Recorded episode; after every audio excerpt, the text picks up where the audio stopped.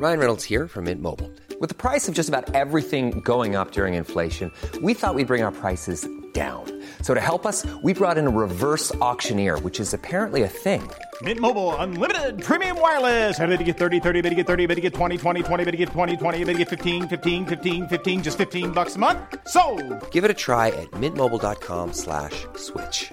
$45 upfront for three months plus taxes and fees. Promo for new customers for limited time. Unlimited more than 40 gigabytes per month. Slows. Full terms at mintmobile.com. Introducing Wondersuite from Bluehost.com.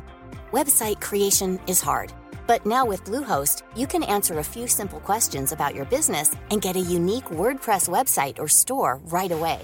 From there, you can customize your design, colors, and content. And Bluehost automatically helps you get found in search engines like Google and Bing. From step-by-step guidance to suggested plugins, Bluehost makes WordPress wonderful for everyone. Go to bluehost.com/wondersuite.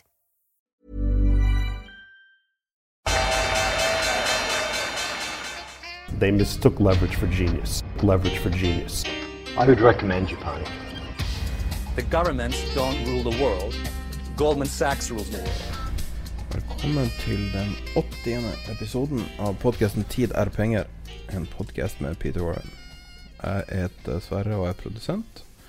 Og i dag skal vi snakke om eh, eh, litt eh, sånn millennial-finans. Litt sånn gammelmannsfinans. Og så alt mellom de to. Um, før vi starta i dag, så Vi har jo det regnearket som vi bruker å fylle inn begge to på tema og ditt og datt. Og for første gang så tror jeg du oppfordrer meg til å fortelle om et finanstema Ja, som en uh, nobody. Ja, men det er Fordi ikke at jeg jeg i kraft av å være ung Nå er jeg bare yngre enn deg, jeg er jo ikke Ja. ung i det hele tatt. Nei, men eh, det, det henger jo sammen med at eh, du er levende opptatt av disse tingene, og jeg, du har nevnt uh, temaet som er, eh, som er Robin Hood uh, ved en rekke anledninger over, over ganske lang tid for meg. Ja. Um, og nå ser jeg jo på den chat-kanalen vår Discord at stadig flere kommer med, med både spørsmål om, om uh, Robin Hood og meninger om Robin Hood, og media har plukket opp, og til og med Financial Times har skrevet om det. Ja. Så jeg tenker jo at uh, da, Det starter på begynnelsen, da. ja, jeg tenker jo at det er greit Hvorfor det er viktig, og hvordan det starta, og hvordan det var uviktig, og nå er superviktig. Nettopp. Um, ta det litt på husken. Da. Ed educate me. Ja, men det er sånn fem-seks år siden, tror jeg. De starta.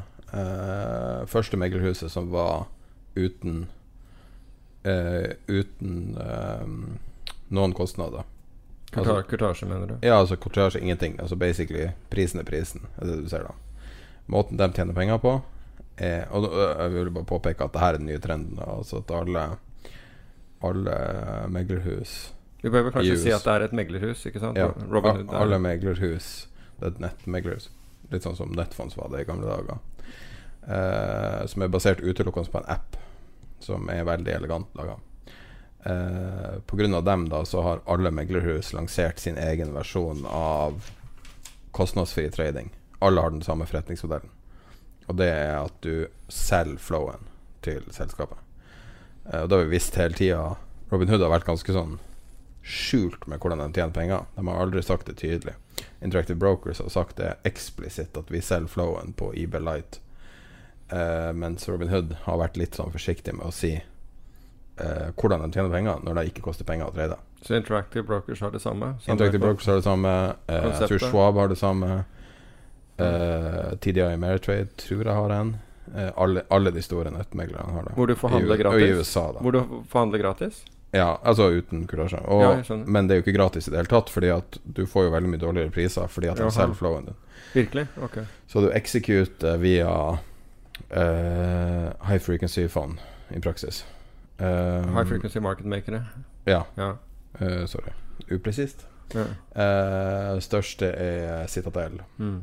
Uh, så nå er det noen som har gravd ut uh, Jeg har lest det der. De står for mellom 50 og 65 avhengig av hva du handler, av flowen. Ja. som går til Citadel. Men det er basically alle de store navnene i frequency trading. Ja.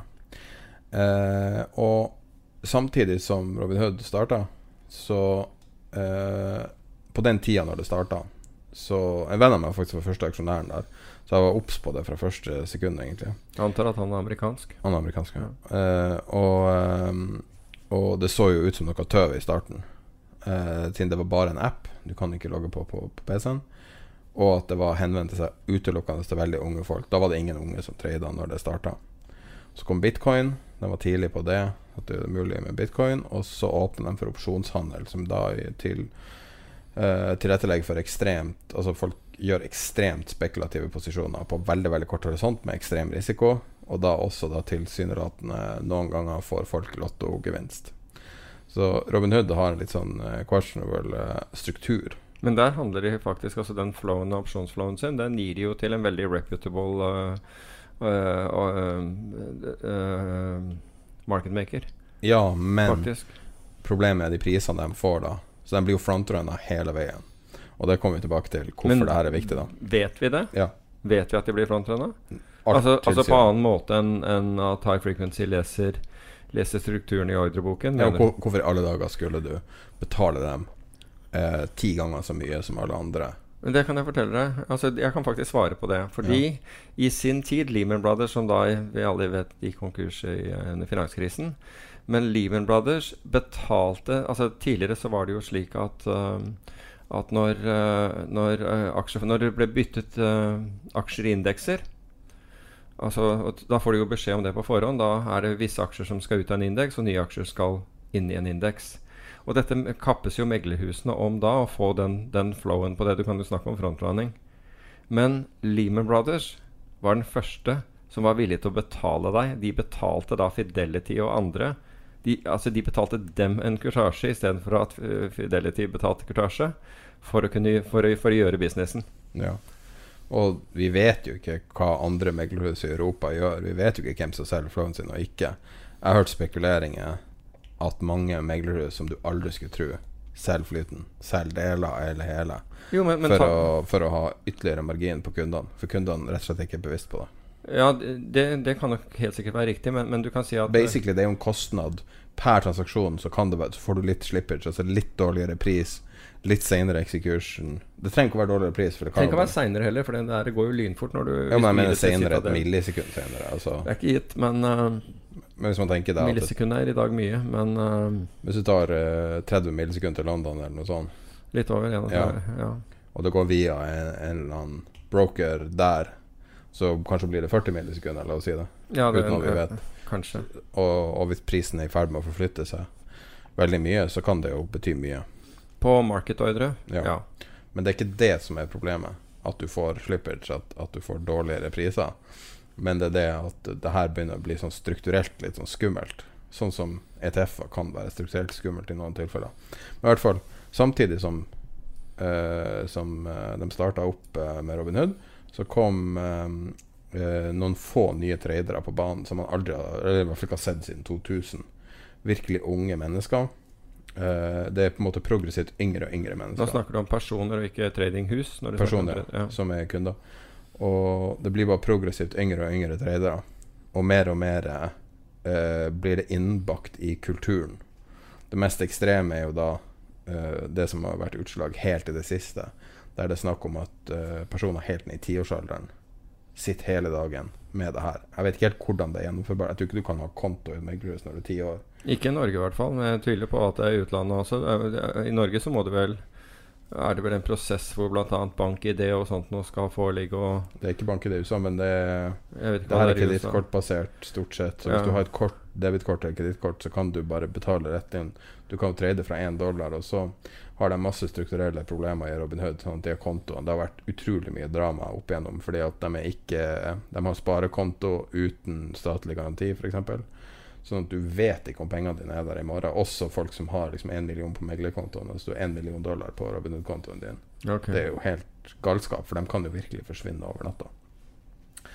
Og så har du sett ekstreme tilfeller da at alderen bare blir yngre og yngre.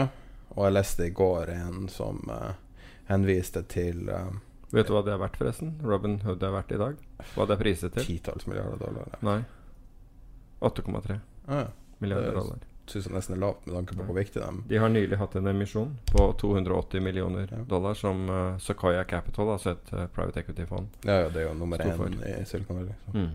Um, og de er jo en Silicon Valley Det er jo viktig å påpeke. Det her kommer ikke fra Manhattan, det her kommer fra Silicon Valley. Så det er derfor det har så annerledes struktur. Uh, og det er jo veldig mye tvil rundt mange i ledelsen og sånn. Altså det er mye useriøse folk som okay. er der, som ikke er tung, tungvektere. Det, eh, i hvert fall. Men så hadde du da, jeg leste i går f.eks. om en 19-åring som var da i slekt med han som skrev det her på Twitter. Som hadde begynt å trade og var bare sånn happy go lucky kar. Og så trodde han han hadde en konto uten margin. Og så Var det- det var han trada opsjoner, så plutselig var han 700 000 dollar i minus. Fikk han en mail om. Da må, han, da må han jo shorta opsjoner for å klare det. Ja, utsteda eller et eller annet. Ja, nettopp. Og, ehm, og han tok livet av seg. Og det er liksom, da begynner du å se uh, Det her er på en måte veldig sånn vitsebasert trading. Det man kaller det meme. De kalles meme-trading. Jeg vet ikke om du vet hva en meme er engang, men det er sånn Mm. internettvits i praksis. Okay. Uh, og alt det her Alle de her folkene møtes på Reddit, som er en av verdens største nettsteder, som er litt sånn akkurat som et stort forum.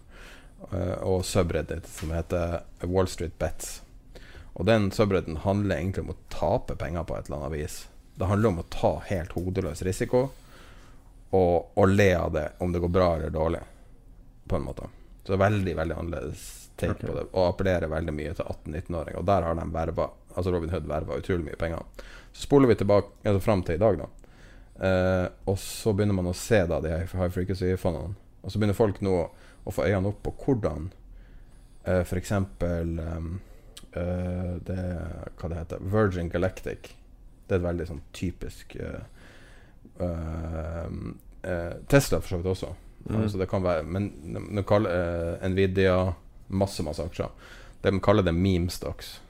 eh, Ok. Som er da på en måte Det er, bare, det er nesten sånn at en tar det ut av lufta at det her skal Nå skal det gå. Og så begynner folk bare å måtte samle seg rundt og snakke om det. Og så begynner de folkene i veldig liten skala, med noen tusen kroner, å kjøpe gjerne opsjoner, gjerne eh, kort, altså kortdaterte opsjoner, for du skal ha maksimalt avkastning på alt du gjør. Ehm, og så selger de flyten til Altså de her ordrene til eh, de her marketmakerne. Og nå spekuleres det at grunnen til at du har fått Nå har jo CNBC kaller det her kengurumarked. Du har ikke lenger bull og bear, nå kaller de det kenguru fordi at det er bare De kaster opp hendene og sier de vet ikke hva. Kenguru? Ja, har du det? Eh, så nå er vi i kengurumarked. Um, Jeg trodde det var en kar som het Ken Guru der et øyeblikk. Jeg tenkte han har jeg ikke fått med meg. Det må jo være noen som heter det. Men eh, når alt kommer til alt, da Så det her tullete lille drittselskapet som du sier er verdt 8 milliarder dollar, som er relativt lite Det er jo mye til å være et meglerhus, men Ja, det er jo, i den store sammenhengen er det ikke så mye. Vet du hvor mange nye kontoer de har fått i 2020? Kanskje tre millioner, skal jeg tro. Helt riktig. Ah, Faktisk riktig. Bang, bang on. ja, noe sånt. Well done. Eh, og det å verve Det er primært Jeg vil gjette at 90% har blitt verva gjennom Reddit, og så tror jeg at den største nummer én driveren av det her er David Daytrader. David Daytrader. Ok, det er en person? Ja. Eh, han er symptom på eh, Han er symptom på eh, at vi er på en eller annen topp nå. Men er han eier i dette her, eller hva? Eh, nei. Okay. David Daytrader er eh, Hva han heter han? har sånn rart etternavn, jeg må bare google det. Eh, det er så mye lettere å bare kalle han det. Ja. Eh, Dave, eh, Dave Portnoy, han som eier eh, Barstool Sports, som er, har solgt seg nylig til, delvis til et bettingfirma. bettingfirma. -huh. Og han da i januar eller februar. Og så stoppa jo hele sportsverdenen opp. Og så bestemte han seg han skulle lage drama noen andre plasser. For noe måtte jo skje. Han er avhengig av drama. Så han satte inn jeg tror 1 eller 10 millioner dollar på en tradingkonto og sa nå skal jeg bli daytrader og skal jeg livestreame alt. Og så sitter han og lirer av seg de mest idiotiske tingene. Han har aldri drevet med finans før? Ingen erfaring. Og sitter han og sier Og så, og så fikk han utrolig mye oppmerksomhet. Tapte veldig mye i starten, og så tror jeg han tjente og nå nylig. Og så Og han tar helt psyko mye risk i alt han gjør. Og han da har sagt mye rart og fått utrolig mye oppmerksomhet og har veldig mye eh, Altså 1,5 million følgere på Twitter, og jeg tror snittalderen er veldig lav på dem. Mm. Han er Altså Hvis du ser stilen hans, så uh, Hvor gammel er han? 43, men du skulle Ah, tro ok, han var han er ikke- 23. Altså. Jeg trodde det var kanskje en sånn 20-åring. Han er veldig rik fra før av, Mhm. og da drar veldig mye folk inn. Veldig mye unge folk inn med den samme vitsestilen på alt. Okay. Men hele poenget er at vi har kommet inn i et marked som der ingenting rimer. Black is white og white is black. Mm. Og det er som i filmen JFK, at we're through the looking glass. At nå er vi bare på ukjent territorium. Du skulle no- nesten hatt med den der quoten til Joe Petchy den der, hvor han forklarer akkurat den derre det, må vi- det må vi legge Altså, det er, altså Teorien i JFK er, så, altså, det er, så, det er jo så totalt Ja, men når han går, går gjennom Men filmen er Ja. så vellaga. Ja, men han, Ok, han går gjennom et resonnement. Du vet Ja, ikke det jeg mener? Ja, ja, det er det jeg sa nå. A riddle packed Ikke sant, wrapped in, Ja, eller nå, er. kommer, nå kommer hele greia, så nå skal vi spille hele greia. Her er markedet i dag.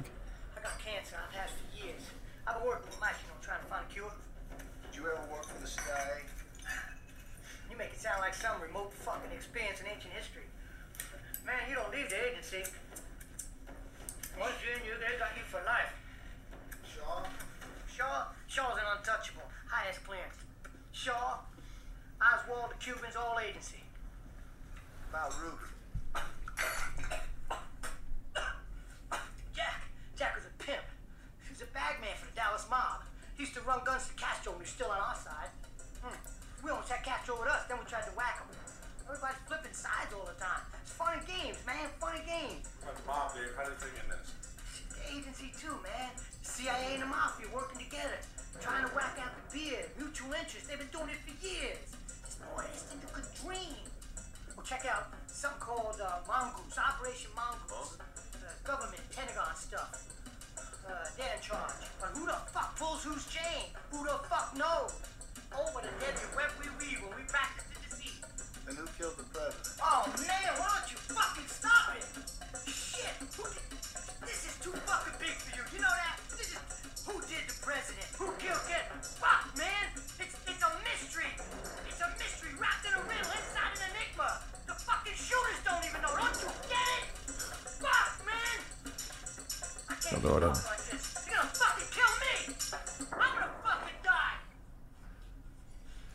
Ja, det var, den, det var den som var på slutten. Og hvis du bare bytter ut navnene Du sier Kennedy, så sier du eh, Jerome Powell, og så eh, Castro Det kan være Det kan være han Ke Kenguru. Ja, kenguru. Og, og så sier du uh, Altså Så bare bytter du ut alle de ordene, så har du i praksis Altså, det er ingenting som rimer lenger. Altså, når vi sitter og snakker om de her tingene her, der folk bare kimser Altså, de kaster kaste rundt hundrevis av tusen av kroner på bare tull. Og, og det verste av alt er at en ikke ubetydelig mengde av de her blir rik i alder av 18-19 år. Jo, men altså en Og det er det som er så, fordi at markedet er så sinnssykt. Nei, men en betydelig mengde av disse her blir ikke det. Det kan jeg love deg. Ja, det, Altså, det er selvfølgelig, men det har alltid vært sånn. Ja. Men det som er så spesielt her, er at de blir the, the tail that wags the dog så til de grader i markedet. Ja, det er det, det er det mange hevder overfor meg også. Jeg er, jeg, er ikke helt, jeg er ikke helt sikker på den, men jeg er villig til å liksom Nei, altså, hvem er sikker på noe? Altså, Nei, man vet jeg, jeg, jeg er jo villig ikke til å noe. Det diskutere det, fordi nå, altså, nå har jeg sett at det har vært veldig mye omtale av, eh, av eh, Robin Hood. Og jeg tenker jo ofte at uh, i, i det der tilfellet at man man sier at uh, kontoøkningen i Robin Hood den er direkte Den korrelerer med, med oppgangen i aksjemarkedet etter mars. Mm. Det tror jeg er helt riktig. Og så jeg tror at det er også riktig når det gjelder, eh, når det gjelder veldig mange av de de eh, internettmeglerne, ta f.eks. Nornett. Jeg er sikker på at spør du Nordnet, så har de også opplevd en veldig kraftig oppgang i antall konti. Rett og slett fordi de er i stand til å passporte mennesker inn og få de gjennom systemet raskt. De har ja, altså, I Norge med bank-ID så tar det eh, tror jeg ett minutt. Eller noe. Ja, ok, det er mulig. Men, men du kan si at nettopp pga. at, at mange av disse nettmeglerne har, har dette opp å stå, og, har, og, og klarer å håndtere mengden, så blir de foretrukket i en sånn situasjon. Så hvis du ringer opp uh, et større meglerhus, så tar det mye lengre tid. Mm. Um, men det betyr Men da, som jeg sa til en, men det kan gå, uh, var at vi, jeg er sikker på at det er en høy korrelasjon mellom mellom uh, antall nye konti i, i Nordnett og akkurat de samme faktorene som de, han påpeker i USA. Men vi må passe på at korrelasjon og kausalitet, altså den virkelige begrunnelsen, den behøver ikke å henge sammen. Det, det kan være at det er kausalt, altså med andre ord at det er faktisk det som driver det. Men det kan også være rent tilfeldig at begge to går opp samtidig. Og at det blir en, en høy korrelasjon, men det er ikke gitt at det, det driver det. Men det er, det er bare min argumentasjon her. Det kan hende at jeg tar helt feil. Og det er faktisk Robin Hood Punters som driver det meste her. Men det er store volumer ute og går. Og, det, og du kan si at um, eh, DN har jo, har jo hele tiden hevdet at det er liksom Nordnett-kunder som kjører uh, Norwegian. Men omsetningen var ca. 700 millioner kroner om dagen. Så hvis det er, altså, hvis det er småsparere hos Nordnett Det tror jeg totalt på at det kan være ja, men at det er bare småspar som driver dette til 700 millioner kroner om dagen. Og så du kan si at det, er, det er greit hvis de kjøper på, på morgenen og selger på ettermiddagen. For da, eh, ja, De kan sikkert ikke gjøre det uten å ha penger på konto heller. Altså Før i tiden så kunne du sikkert gjøre det uten å ha penger på konto, men i dag så, så, så må du på en måte kunne bakke opp det du, det du handler for. Jeg tror, ikke, jeg tror ikke svaret er så enkelt. Altså Når du handler for 700 millioner kroner om dagen, så er det tross alt det er noen det, er- det er et ganske stort beløp.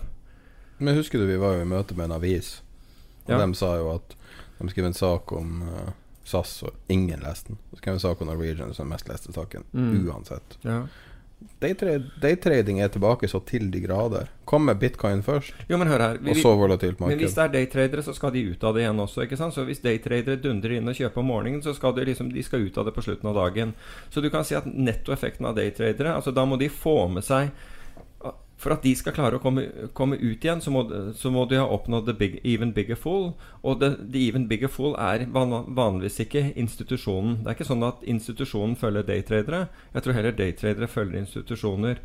Så jeg, jeg tror at, at det er mer sammensatt enn en at det er småsparere som driver det. Jeg tror det, der, det er en veldig enkel unnskyldning å ha når du ikke har noen annen forklaring på hvorfor noe stiger. Men du kan jo også si at Altså, du altså Man snakker jo alltid om smart money og dumb money og, og institutional money. Og det, Ja. bruker, det brukes jo akkurat like mye som en sånn her eh, sånn, eh, Som skal bare fylle ethvert hull i argumentasjonsrekkefølgen din. Svaret er at ingen vet hva som, hvorfor ting skjer, stort Mm. sett hele tida. Og så har du store makroøkonomiske bevegelser. Eh, du kan liksom si liksom, norske kroner er stort sett risk on, risk off nå. Alt annet er helt uten betydning. Vet du hvor Boas Weinstein, altså forvalteren Boas Weinstein, som ble berømt under finanskrisen og for så vidt ble Ja. berømt nå Vet du hva han mener at dumb money er i øyeblikket? I kredittmarkedene. I Mm. high yield og disse her. Der mener jeg helt overlegent at de har gått over i kredittmarkedet. Det er der the dumbest money er. Men continue. Men det altså, man kan jo nå klassifisere det som smart money, som er kanskje institusjonell. Uh, type Goldman-kunde. Nå skal det jo sies at det var en story om at at eh, Goldman-kunder var irritert på at daytradere på 18 år outperforma dem. Men eh, om det er reelt eller ikke, det vet jeg ikke. Men, Mm. Um, så da Smart Money, som er en typisk Goldman-kunde, eller en stor institusjon, eller stort pensjonsfond, eller noe sånt. Og så har du Money, som kanskje er en 40-åring.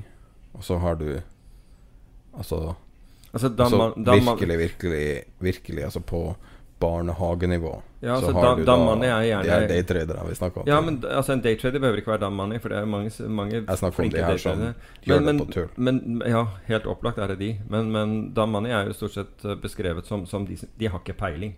De bare, ikke sant, de, de leser en, en avisoverskrift, og så bare kjøper de. Mm. Ikke sant? Det er ingenting annet bak. Det er det som kalles money. Altså har ingen peiling på hva noe skal være verdt. Tenker ikke på det engang, bare kjøper. Mm. Det er liksom klassifisert Altså det er sånn stort sett du, det, det du kaller sant? Du, du, du trenger ikke en story, du trenger ikke en ra, eh, rasjonale. Det er bare Jeg snakka med. Finanstilsynet i forrige uke om forbindelse med en sak der jeg- lurte på reglene knytta til uh, konsesjoner og ditt og datt. Og så bare spurte jeg, det var masse spørsmål jeg var usikker på. Og så han sa han i tilsynet sa at i hans øyne så var det ingen var interessert i å være kunde i et meglerhus hvis du ikke fikk et Altså et råd som var sånn Gå og kjøp den nå på det nivået, og selg på det nivået. Det var sånn deres syn på meglerhus, rollen til et meglerhus. Det overraska meg litt. Jeg har et inntrykk av at folk stort sett vil gjøre ting sjøl, litt som å kjøpe flybilletter sjøl versus reisebyrå. Ja, jeg vet ikke. Altså, du kan si at De aller fleste i meglerhus Altså Meglerhus driver jo med, med corporate oppdrag, altså tilrettelegging av emisjoner. Og det er det de tjener penger på. Altså Akkurat aksjehandelen frem og tilbake, det tror jeg er bare en bigeskjeft hos de aller fleste. Jo, men er ikke det litt overraskende at han sier at, at uh, folk syns ikke det er worth their while å signe opp liksom via en uh, Via uh, Altså en eller annen megler. Altså basically alle andre går til Nordnett eller whatever. uh, hvis du vil gjøre det sjøl. Så ingen signer opp nå, altså med mindre du får råd som er da utrolig eksplisitte kjøp. Altså, da, da har det falt meg inn å å vurdere et sånt råd en gang sjøl. Nei, jeg vet ikke. Jeg skjønner ikke Eh, at folk tror at det er verdt så mye å få råd fra meglere. Aner ikke. Det er bare vanlige folk, dem òg. Ja, ja. Aner ikke. Altså, det er jo noen som da blir fortalt en story på morgenen som de skal fortelle videre til kundene sine, som egentlig skal resultere i at de handler, slik at det blir kurtasje. Mm. Det er jo på en måte greia. Men eh, nei, jeg vet ikke. Altså Hadde de vært eh, hadde de vært eh, gode, så hadde de forvaltet selv og forvaltet sine egne midler, tenker jeg. Men det er noen som er altså, det er noen som ikke vil gjøre det, som er meglere. Altså, mm, ønsker å være mellom kjøpere og selgere, og ære være dem for det. Det er jo tross alt de best betalte i samfunnet her, så de som ikke tar risiko. Ja.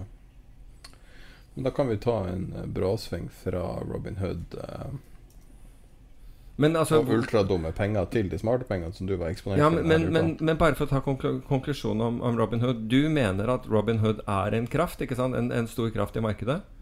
akkurat nå så er det eh, Du kan si at hvis du skal sammenligne det med noe, så kan du sammenligne med, med påvirkninga Se og Hør hadde på samfunnet på 90-tallet.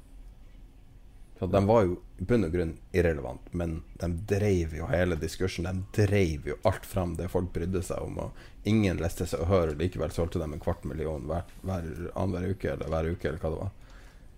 Og den de var jo Altså du kan jo på en måte altså, De var jo useriøse. Alle visste de var useriøse, og likevel brydde alle seg om det. Nå bryr ingen seg. Sånn at jeg vil så si at det, det er viktig på samme måte som Se og Hør var viktig da. Det betyr ikke at det er kvalitet.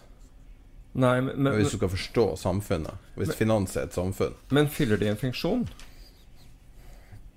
Ja, altså Likviditet, i hvert fall. Ja, altså Ja. Det gjør de kanskje. ja Jeg vedder på veldig mye Men- men- penger. Det kan være men Og tilbyr de eh, Ja, det gjør de tydeligvis. Ja, Hvis ja. han her fyren gikk eh, 700 000 dollar i minus, så Vanlig eh, uten jobb tenåring. Det er merkelig at ikke uh, Men det sier litt om Robin Hood. Det overrasker meg ingenting at uh, Robin finans Hood holdt. Finanstilsynet tar, uh, tar affære på det, da. Det er jo litt merkelig at ikke altså, amerikanske finanstilsyn ikke sier at vet du hva, dette her går ikke. Når var sist gang de stoppa et meglerhus? Jeg kan ikke huske det. I USA? Det, det vet jeg ikke. Men, jeg, Global, men, Men det var vel ikke stoppa av dem. Nei, men de er, jo, de er jo i hvert fall mer eh, De er jo mer proaktive i USA. Eh, det, er, det er fall helt sikkert. Om, om ikke veldig proaktive når du tenker på, på Bernie Madoff.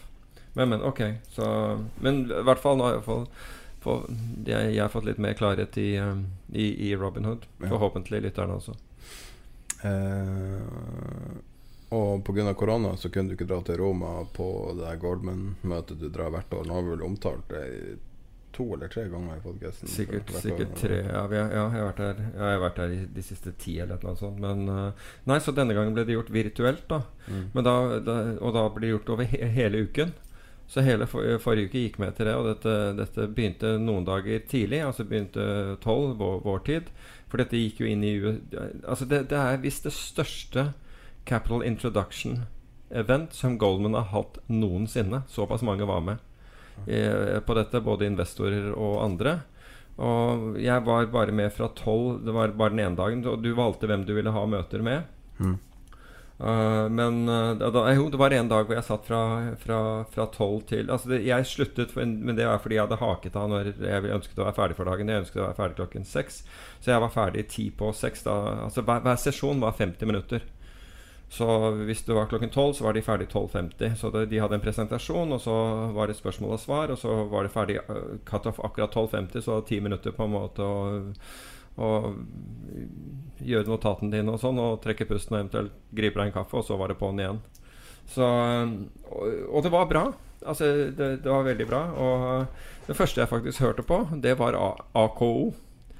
Uh, sin uh, altså, Det høres kjent ut. Hvor har jeg hørt ja, det er Tangens fond, så det er relativt Jeg vil jo tro at det er relativt kjent. AKO. Um, og, og det var faktisk World-fondet til, um, til AKO. Um, og, og det slo meg at uh, at Altså, Tangen har jo uh, Han gikk jo russiskkurs i Forsvaret, og russiskkurset holdes jo oppe på oppe på Lutvann, og det er jo Etterretningstjenesten som, som, som holder. Og det var interessant, fordi de, de, de presenterte jo analyseformen sin som innhenting, analyse og konklusjon. Og det er jo faktisk eh, eh, grunnlaget for, for etterretningsanalyse også. Mm. Som jeg tror, og jeg har holdt foredrag om dette her eh, selv, og jeg tror at det er, an- den analyseformen eh, det, er, det er mer med den analyseformen enn en bare de tre, tre tingene. Bl.a. At, du- at du får verifisert informasjonen før du begynner i, i analyse på den. Um, og, og så videre, og at, at det ender opp med et estimat. Og estimatet er da opp til porteføljeforvalteren hvordan de bruker. Og for i etterretningen så er det jo da gir de et estimat til til, um, uh, til regjeringen eller policy makers og sånt noe, og så er det opp til dem hvordan de bruker det. Mm. På samme måte så kan regjeringen gi, si at vi ønsker informasjon om sånn, og så vil da en etterretningstjeneste finne måter å hvordan løser vi det informasjonsbehovet? Hvor, hvor finner vi dette best? Hvordan, hvordan gjør vi dette her? Men, men det var veldig sammenfallende med det.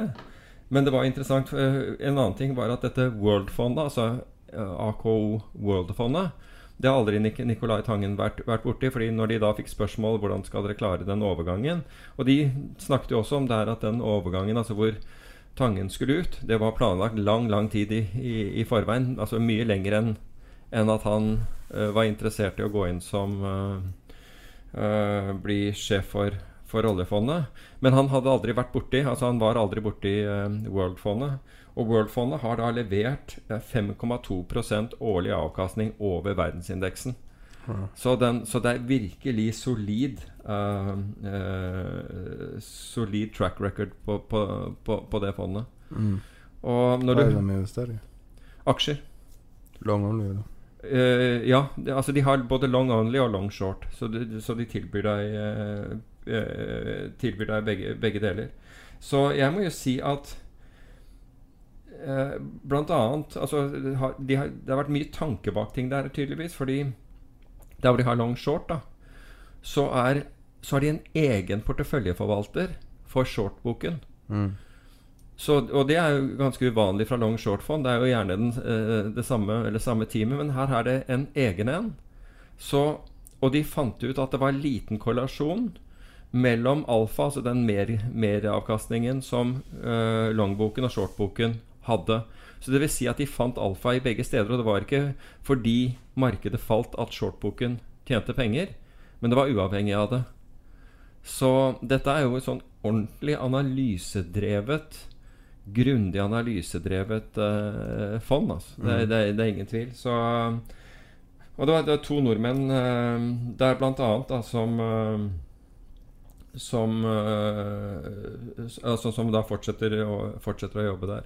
Så jeg, jeg hørte på en presentasjon eh, for noen år siden av, av det, og jeg ble, ble imponert den gangen, bl.a. ved at de brukte eh, NLP, altså eh, Language Processing. Altså De så på, eller hørte på, hva, la merke til hva f.eks. en finansdirektør Hvordan han hadde uttalt seg ved, ved forrige presentasjon, og så det opp imot hvordan han uttalte seg nå. Ordvalg, tonalitet, alt mulig. Altså disse disse, altså det ikke skrevne, da. Non-verbal, om, om du vil. Altså Det blir ikke non-verbal når du uttaler deg, men det er en annen sak. Men, men som, som de gikk på, og, og av og til kroppsspråk og den type ting. For å for liksom Har du troa på, på det han sier, eller har du ikke? Liksom er, er alt ok her, eller ser vi nå at ordvalg, eh, stressnivå i stemmen eller noe sånt noe indikerer at det er At vi kanskje bør grave dypere? Så, så du kan si at det, det med det som er refreshing, da, synes jeg, med AK, er at de har tydeligvis gått sin egen vei med tenking. Og, og jeg husker på den presentasjonen jeg var, som, var, som er noen, noen år siden. Da nevnte bl.a. Nicolai Tangen, som jeg ikke kjenner, bare så det, det er klart, um, at, uh, at han hadde ansatt uh, en, um, en, en etterforsker fra Scotland Yard. Ja. Så for, ha, for at folk skulle ha den, den riktige bakgrunnen til å tol tolke data, tolke de, de, um, de inputene de fikk. Så var en, den, den var veldig eh, Jeg syns det, det var spennende å høre på. Og, og, og veldig godt gjort, syns jeg. den Altså tydelig, uavhengig tenking som, som fører frem til det. Ellers så er det veldig ofte at folk gjør veldig mye av det samme. De bare prøver å gi en forskjellig spil på det. Ja. Eh, når, når, det kommer til, eh, når, når det kommer til stykket. Var det noen overordna trend eh, altså Du har jo vært i mange møter, da. Men var det noen overordna trend du kan plukke opp eh, i markedssyn og, og, og kanskje verdenssyn? Nei, I en veldig spesiell situasjon. Da. Jeg tror jo at de aller fleste påpekte, som vi har snakket om tidligere, den, den enorme disconnecten mellom uh, utviklingen i verdensøkonomi og selskapsøkonomi og verdsettelser av, av selskapet på, på den andre siden. Altså med andre ord at aksjebørsen steg til tross for at litt, utsiktene er såpass, uh, såpass uh, dårlige. Og en som kom inn på det skal, jeg skal komme litt inn på, på Boas Weinstein, som vi nevnte i sted, og, og, og, Saba Capital etterpå. Men det var ganske interessant.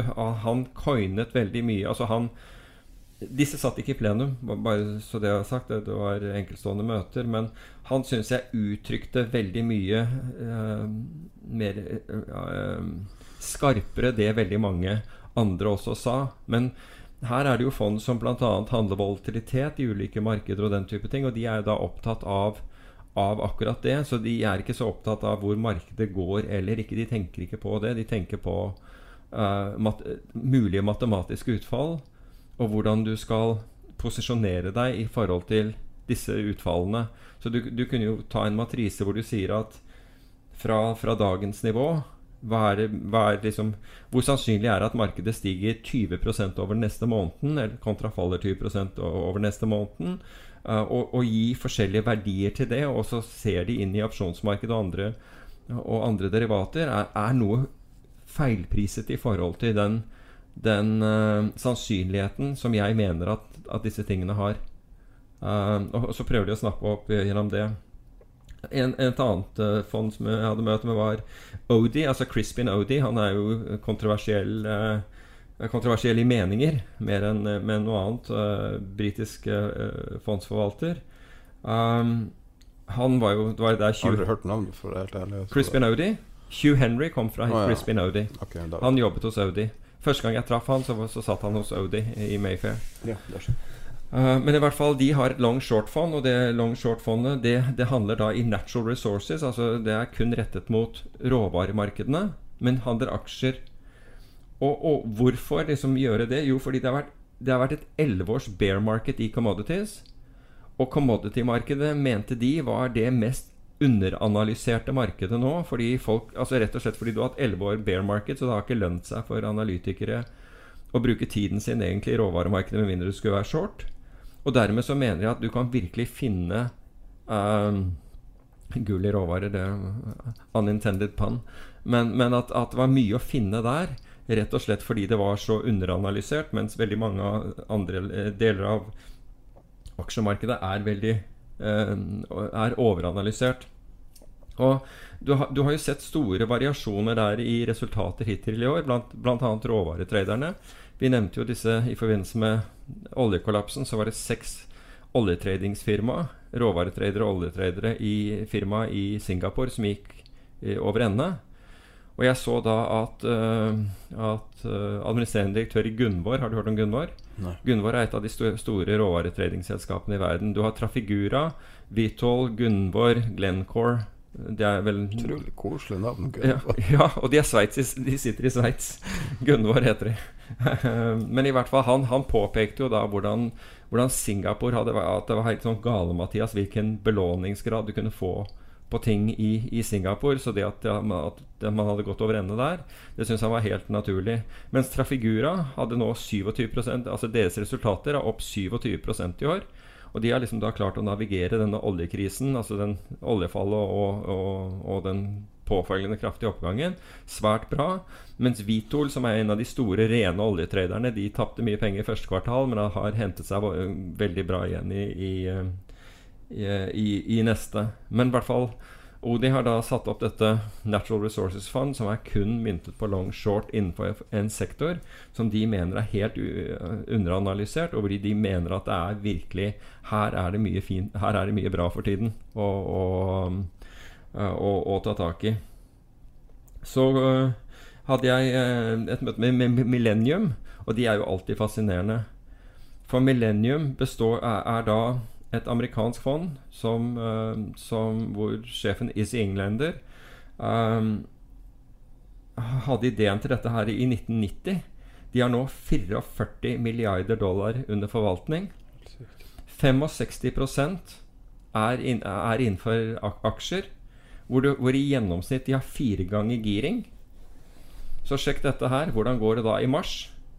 Jo, de er ned 0,1 uh, det, er ganske, det er ganske brukbart i et marked som faller 30% De har 240 forvaltere uavhengig. Som sitter uavhengig, som handler på forskjellige måter. Altså De er siloa til å, til å ha egen tankegang. Egen, altså de, de deler ikke sin analyse, sine trades, med de 239 andre. De er helt isolerte, og de holder også på De, har også, de er også innenfor renter, altså det vi kaller fixed income, hvor de har en giring på, på rundt, rundt 15-gangeren, for det beveger seg mye mindre. Men de er opp 8% i år, men, men, poenget med disse er at de, jeg, jeg, vet ikke om de noen gang har hatt et nedår. Og de har, de har, levert resultater på resultater på resultater. Og er da Altså, vi har snakket om det tidligere. Hvorfor ikke noen av de store forvaltningsmiljøene setter opp noe lignende? Altså Oljefondet, f.eks. Ja, jeg vet hvorfor oljefondet ikke gjør det. Pga. Tangen er korrupt? Nei, nei, nei, nei jeg, jeg, jeg, jeg, spurte Yngve Det var en litt sånn foreshadow? Nei, jeg, spurte Yngve Slyngstad om det, og han sa at vet du hva, altså, det skulle vi ha gjerne gjort, men den største trusselen med det er at en av forvalterne gjør det kjempebra. Og, og det betyr at han må, må, svare presse og storting og holde på. Da, jobben hans ville da gå til å, å måtte håndtere det. Så um, så, så, det var årsaken at uh, altså oljefondet hadde vært helt naturlig å gjøre det med. Mm. Ved siden av det at du har jo disse, disse akademikerne som sier at, du, at, ingen kan slå markedet noen gang, så det alltid skal være i indeks.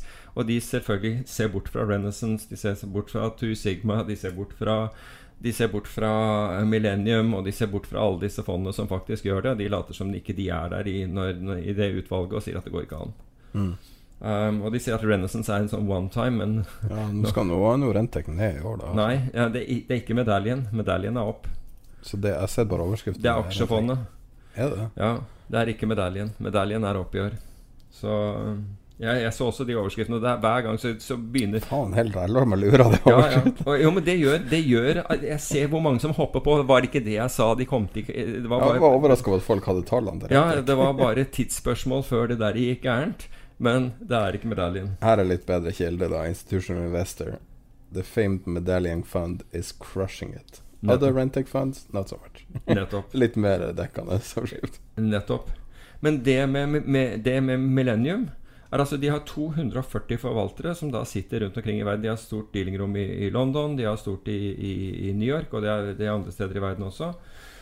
Um, og forvalterne får ikke, får ikke management fee, så, så you, altså, to get paid altså, you, you, can only get paid from what you kill. Altså, de må tjene pengene. Må eh, det, er, inntektene inn som, som sørger for at, de, uh, at for, også forvalterne tjener penger. Og de der, altså det er de som har så rigorøs uh, risk management, som sier at hvis, hvis du Uh, hvis du får allokert uh, penger fra dem altså, så Hvis du er ned 4% så halverer de den allokeringen. Så hvis du får 100 millioner dollar eller 200 millioner dollar, som er en vanlig allokering fra dem, og du taper 4% så halverer de den. Taper du ytterligere 4% så totalt 6% så er du borte. Så hvert år så forsvinner 10-12% av forvalterne ut. Og det er enten fordi Det er to grunner til det. Enten har de mistet troen på at de forvalterne kan generere penger. Eller metoo. Ja, el, ja el, nei, men ellers Nei, det er ikke noe Jeg tror ikke det har vært noen av de. Eller, ellers har det vært at de ikke har klart å håndtere risiko. De, de ser at disse er ikke gode til å håndtere risiko. Men, og så er det den, den tredje tingen De betaler ikke for beta. Så for deg som tjener pengene dine øh, hver gang aksjemarkedet går opp, og taper når det går ned, de er ikke interessert i det. Da vil du aldri tjene penger. Fordi hvis du har beta, altså med andre ord du, du bare følger, følger markedet, det betaler ikke for. Jeg kan gi en idé, da. Det her blir ofte ganske abstrakt når man snakker om sånn her type investering. Eh, hvis du lytter på ikke trader sjøl, og ikke har noen gang sett algoritmisk trading, og kan ikke forestille deg hvordan man starter en gang å bygge en algo, så har jeg en konkret idé til en algo. Eller datagrunnlag for det. Eh, jeg vet ikke om du husker det, jeg var i kontakt med han apropos å nå tilbake til Robin Hood igjen. eh, det, er en, det er noe som heter Robin Trekk, som er en kar som trekker den offisielle dataen fra hva folk som bruker Robin Hood, kjøper.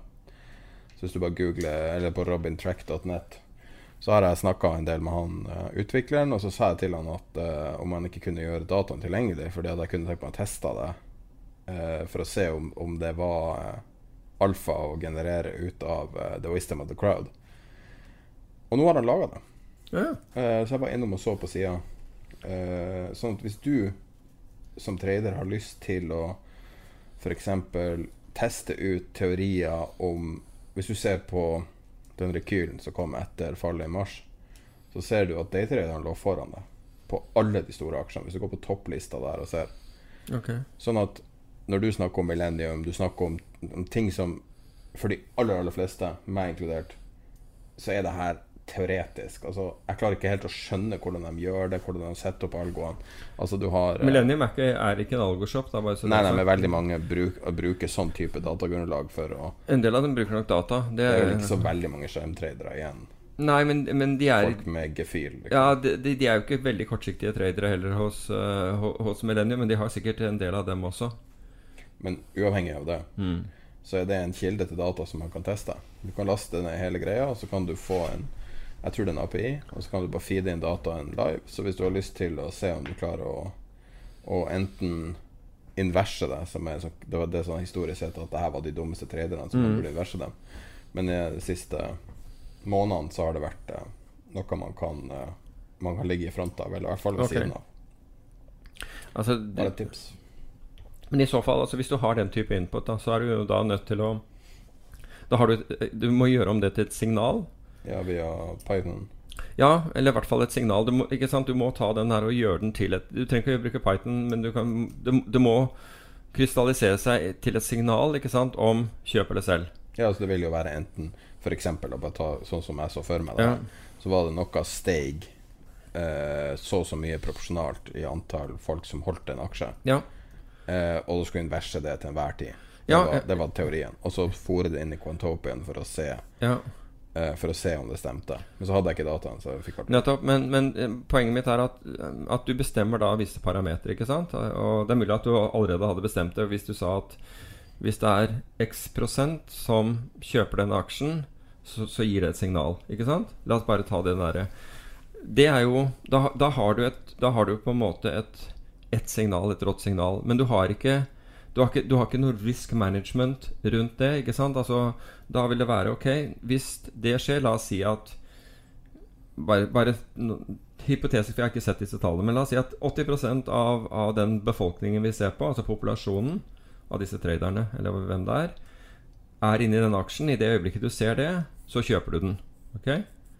Da, du, da, da har du liksom bare løst én liten bit av dette regnestykket. Ikke sant? Den andre er hvor langt skal det? Altså, hvor, hvor, altså hva er det du ser etter? Hva er risk managementen din? Altså, nå, hvor har du stopplås? Hvor har du trailing stop? Altså, skjønner du hva jeg mener? Men hele poenget med datasettet var jo nettopp å fòre det inn i, i eh, altså backtestinga. Hvis du lager en konto på Quantopian, Mm. så klarer du med eh, veldig, veldig basic programmeringsskills å lage noe som i hvert fall kan kjøres gjennom Ja. systemet, og da får du backtesta det for å se Ja, får- Er jeg i det hele tatt inne på noe her. Ja, men, du, men igjen så må du ha Ikke sant, altså hva, hva er du, du må være mer presis enn det, fordi nå har du Min originale idé var uh, Det er ei toppliste. Ja. Og jo høyere du klatra på topplista, jo større sjanse var det at det var feil. Det var, Ok.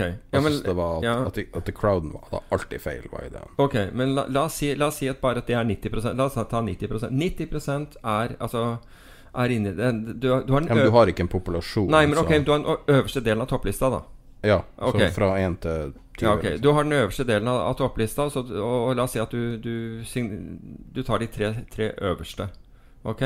Og hvis det var at de var selgere, så vil du kjøpe. Og hvis det var at de var kjøpere, så, vil- så vil du selge. Ikke sant? er Det den- var- du vil- det var bare en tese, Ja, du vil, ja, du vil gå mot, mot trenden. Helt greit. Nå har, du, nå har du den første delen. Du har et signal ikke sant, mm. om noe. Så må, du, så må du kreere hele greia, hele greia rundt det. Og det neste du må kreere rundt det, er at hva hvis jeg tar feil, og det går mot meg? Hvor langt kan jeg da la det gå mot meg? Ikke sant? Uten at jeg gjør noe. Mm. Altså, hva skjer hvis eh, den La oss si at jeg har solgt noe short, og det fortsetter oppover, Uh, og det går 10 til oppover. Kutter jeg da uh, den posisjonen, eller sitter jeg, sitter jeg fortsatt med den? Hva hvis den nå Jeg har gått shorten. Det egentlig, den, har gått, den har gått opp nå, og nå oppdager jeg plutselig at den ikke er på topplista lenger. Ser du at det, det, er, det er jo det som er det krevende her, er jo da å, å lage disse andre tingene rundt det. Altså risk management rundt det. Hvor tar jeg gevinst på denne rundt det? Og så når du da har Og de, de estimerer du bare. Ikke sant? For du vet jo ikke dette på forhånd.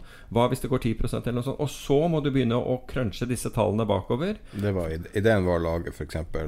15-20 sånne setup som du snakker om nå. Ja. Der du setter forskjellige nivåer, og så tester dem. Så Ja. setter du nivåer, så tester Og dem, så teste, men poenget mitt er at du må teste de med alle disse variablene i. Ja, det var det som var Så du må komme opp med alle disse variablene. Men po poenget med å bringe det opp, det var ikke det at jeg tror det er nødvendigvis en god idé. Men det er et klart datasett, et veldig tydelig datasett som er veldig relevant for en aksje. Uansett om man syns Mm. det er dumt eller ikke, så er det kjøpere av aksjer er, er direkte relevant data. For en sånn seks-syv år siden så var det jo det store var å kunne aksessere Twitter-streamen. Eh, Så folk kjøpte seg inn i firehousen til Twitter for å prøve å ligge forut Ja. for momentum. Mm. Aldri sett noe ta, Aldri sett noe som får det til å fungere. Mm. Men jeg tror at det her kan fungere, fordi at det er så mye mye mer direkte kobla til markedet. Og det er veldig uvanlig at man har API-access eller tilsvarende Mm. eh, hos en, en broker som er tilsynelatende daglig oppdatert. Eh, så du ligger ikke engang spesielt mye etter markedet. Så når du ser at de her, algo, at de her high frequency-fondene kjøper trafikken Du får den samme trafikken gratis med en liten delay, og du kan definitivt gjøre noe med det. Ja. Så det var bare ide ideen var bare å prøve å avmystifisere. For når du snakker om Millennium, så sier du Uh, Det sitter liksom 150 forskjellige eh, 240, teams ja. ja, 240 teams og jobber med det.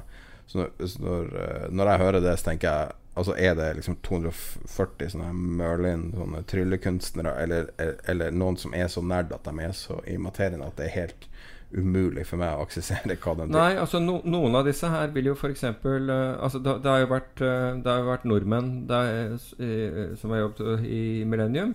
Og de eh, eh, deres var eh, Siden jeg ikke har, eh, har snakket med dem om at jeg skulle nevne så vil jeg ikke nevne navn. Men det var energiaksjer. Så de gjorde long short innenfor det nødvendigvis, ellers så blir risikoen for høy, og man kjøper ikke beta. Uh, innenfor energisektoren kun. Og sånn vil du ha andre team. Noen av, de er statistisk arbitrasje av, av, av disse teamene. Så det er helt avhengig av hvor, hvor, liksom, hvor vilt er altså hvor, hvor stor volatilitet er det. Altså det er større volatilitet, det mindre posisjon kan du ha. Ellers så, går du, ellers så treffer du risk management. Um, Hvor stor andel vil du si er arbitrasje? Statoil var jo på en måte 100 av markedet på et tidspunkt. Altså det her markedet. uh, ja, hvilket, hva mener du med det her markedet? Ja, altså jeg tenker på citadellene i verden. Altså, Altså, si- de- Renaissance Citadel Altså Renaissance er jo starten var det Statoil Ja, vesentlig. Ja. alt. Og det, ja, Og altså, så kollapsa det, og så har det vel kommet tilbake igjen litt. Ja, altså, du, altså forskjellen Det kollapsa i 2007. eh, eh, altså i august 2007. Men, men, eh, men, men det kom jo tilbake igjen med en gang. Altså Renaissance De valgte jo å bare stå det igjennom, og, og, og bare fortsatte. Um, og så har du The, The Quantquake, som de sier nå i, eh, i, eh, i mars. Og der hørte Altså, den snakket flere om på denne Goldman-saken, fordi der, der forsvant jo altså Verdsettelse forsvant fullstendig ut av vinduet fordi folk måtte redde livet pga. Mm. finansiell giring. Altså De hadde altfor stor, uh, for stor giring, så det ble ingen mening i noe som helst. Men de da som hadde de som ikke hadde eksponert seg for mye, de tjente voldsomt på, at, på, på, på det som skjedde. For deres maskiner fortsatte å gå, og, og avvikene ble enda større. Og de, de, de kjøpte det som hadde verdi, og fortsatte å shorte det som ikke hadde verdi. Og så, når den quaken var over, altså du hadde fått vasket ut alle de, de dårlige hendene, så kom jo dette susende tilbake igjen. Og det var jo det Renaissance uh, valgte å gjøre i, uh, i 2007. Slik at de endte jo, uh, endte jo året opp i 2007 også, mens mange, mange ble nedlagt. Og det, det kan jo nesten alle meglere som du snakker med, bekrefte for deg. At, at antallet kunder som på en måte Altså meglerne Jeg tror meglerne var flinkere under under den sell-offen i år vesentlig flinkere enn de var i, eh, i, eh, i under, under finanskrisen, ved at de fikk kutta kundenes tap. Altså de stoppet ut kundene før kunden, altså Mange kunder gikk i null, altså hele formuene ble borte. Men de, de endte ikke opp med å skylde penger. Og du fortalte meg om han der karen som så som, som bare fikk en mail der det sto at han eh, ble stoppa ut på minus 37 dollar eller på uh, oljetrading. Ja. Ja, ja. Det? ja det, det, det, det, det, var, det var Interactive Brokers. Det var Interactive Brokers Stemmer. fordi marginsystemet til Altså det som skjer, er at oljeprisen faller og faller og faller og faller. Og går helt ned til å være verdt én cent. Dette er den der dagen hvor oljeprisen skal gå videre ned til syv, minus 37 dollar. Systemet til Interactive Brokers var ikke i stand til å håndtere negative priser på, Mm. på olje. Så på én cent så forteller den at da kan Altså marginsystemet og alt. Da kan kunden bare tape én cent, og det sier kunden òg. Jeg kan jo bare tape én cent, så her bare går jeg Her kjøper jeg alt jeg, alt jeg kan få kjøpt, for det har jeg råd til. Hvilket da en kunde gjør. Hva var det? Var det ikke 2,7 Hva var det tallet var, da? Det var noe sånt som Det var titalls millioner kroner, tror Ja, det var voldsomt. Jeg husker ikke akkurat hva, men det, dette er Mulig du nevnte det i podkasten. jeg, jeg har nevnt det i podkasten, og man kan finne det i nyhetsoversikter også. Men i hvert fall så smeller det, ikke sant? Altså da, dette går jo til minus 37, så han får da beskjed dagen etter om å innbetale millioner av dollar i, um, uh, i tap. Men slipper å gjøre det fordi de erkjente at dette her var et problem hos dem. Så Tom Petterfee tok regninga Personlig. på den. ja Så han, så han tapte den heter én cent, men altså de han har kjøpt på én cent Jeg kan ikke tenke meg en bedre reklame for et meglerhus. Nei, det er ganske fint. Det må jeg innrømme. Tom Petterfee sto, sto, ved det, det som skulle gjøres der. Ja. Men, uh, men tilbake til, til eh, dette med, med golven. Systemica uh, Systemica kom ut fra et, et, annet, et annet stort hedgefond som ble lagt ned fordi eieren ble drittlei regulering og den type ting. Og Michael Platt og bestemte seg for å, å ta hedgefondet sitt, som var multimilliarder dollar eh, hedgefond. Han mente at det ble for dyrt med regulering og all, alle de tingene som myndighetene til enhver tid fant på. Så han bare stengte det og gjorde om til Family Office. Og så, fikk da, så hadde de en systematisk eh, trendfølgende del av fondet. Og den som ble ledet av eh, en dame som heter Leda Braga. Og hun, det, det ble da spunnet ut, og som heter Systemica. Um, og Systemica 8,7 milliarder dollar til forvaltning i dag. Men i hvert fall 8,7 milliarder dollar. men har ikke Michael Platt ca. 8 milliarder i formue? Jo, han, jo men det er, hans, det er jo i det andre. Det er jo i hans egen, uh, egen uh, family office. Så han er jo Blue Trend er jo, er jo uh, De er jo fortsatt Eller den het Blue Trend. Blue Bay er jo, er jo fortsatt oppe og går. Men det er, og de er store i markedet. du sikker på at du mener Blue Crest? Sorry, det er Blue Crest. Ja. Blue Crest er det, ikke Blue Bay. Men Blue Trend het, het uh, trendfølgende delen av det, og den spant Leda Braga ut.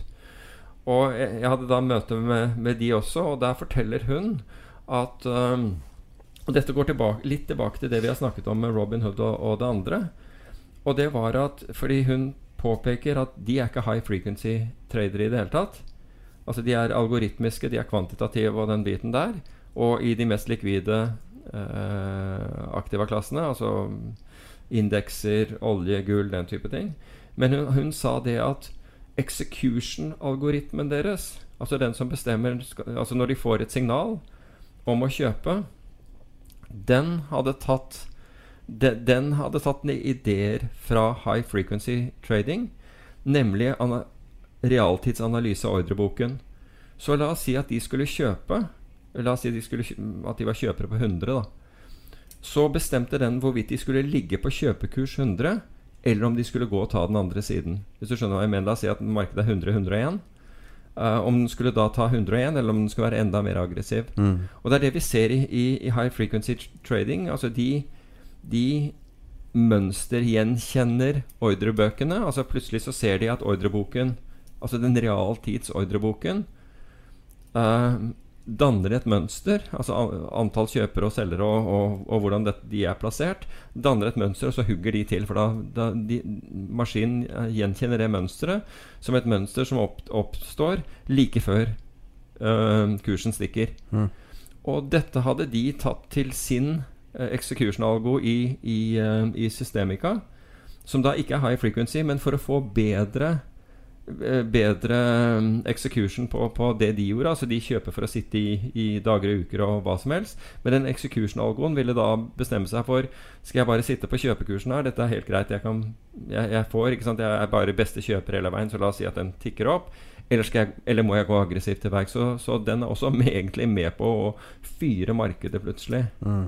I dag morges så vi dette her bl.a. i olje, hvor Mm. olje gikk 20, eh, 20 cent liksom, litt frem og tilbake, litt frem og tilbake, litt frem og tilbake. Jeg snakker om amerikansk olje. Og så plutselig så er det litt fart i det. Og så kommer neste periode igjen. Dette er 15 minutter periode. Og så smeller den inn med en halv dollar bare rett opp. Og det er en execution-algoritme som plutselig har sett at nå er markedet sårbart. Til oppsiden, altså lite selgere i forhold til det den tror er kjøpere. Og så skyter han bare oppover og, og trigger, trigger masse ordre. Mm. Så, um, men det er ganske interessant at nå At man bruker den type matematikk, da, den type mønstergjenkjennelse, også for lengre type fond. Det er litt artig at du, måten du beskriver på, er litt Det føles som at kanskje High Frequency har tatt et nytt steg. Kanskje modna litt som bransje. Det var jo i veldig lang tid kun snakk om fart.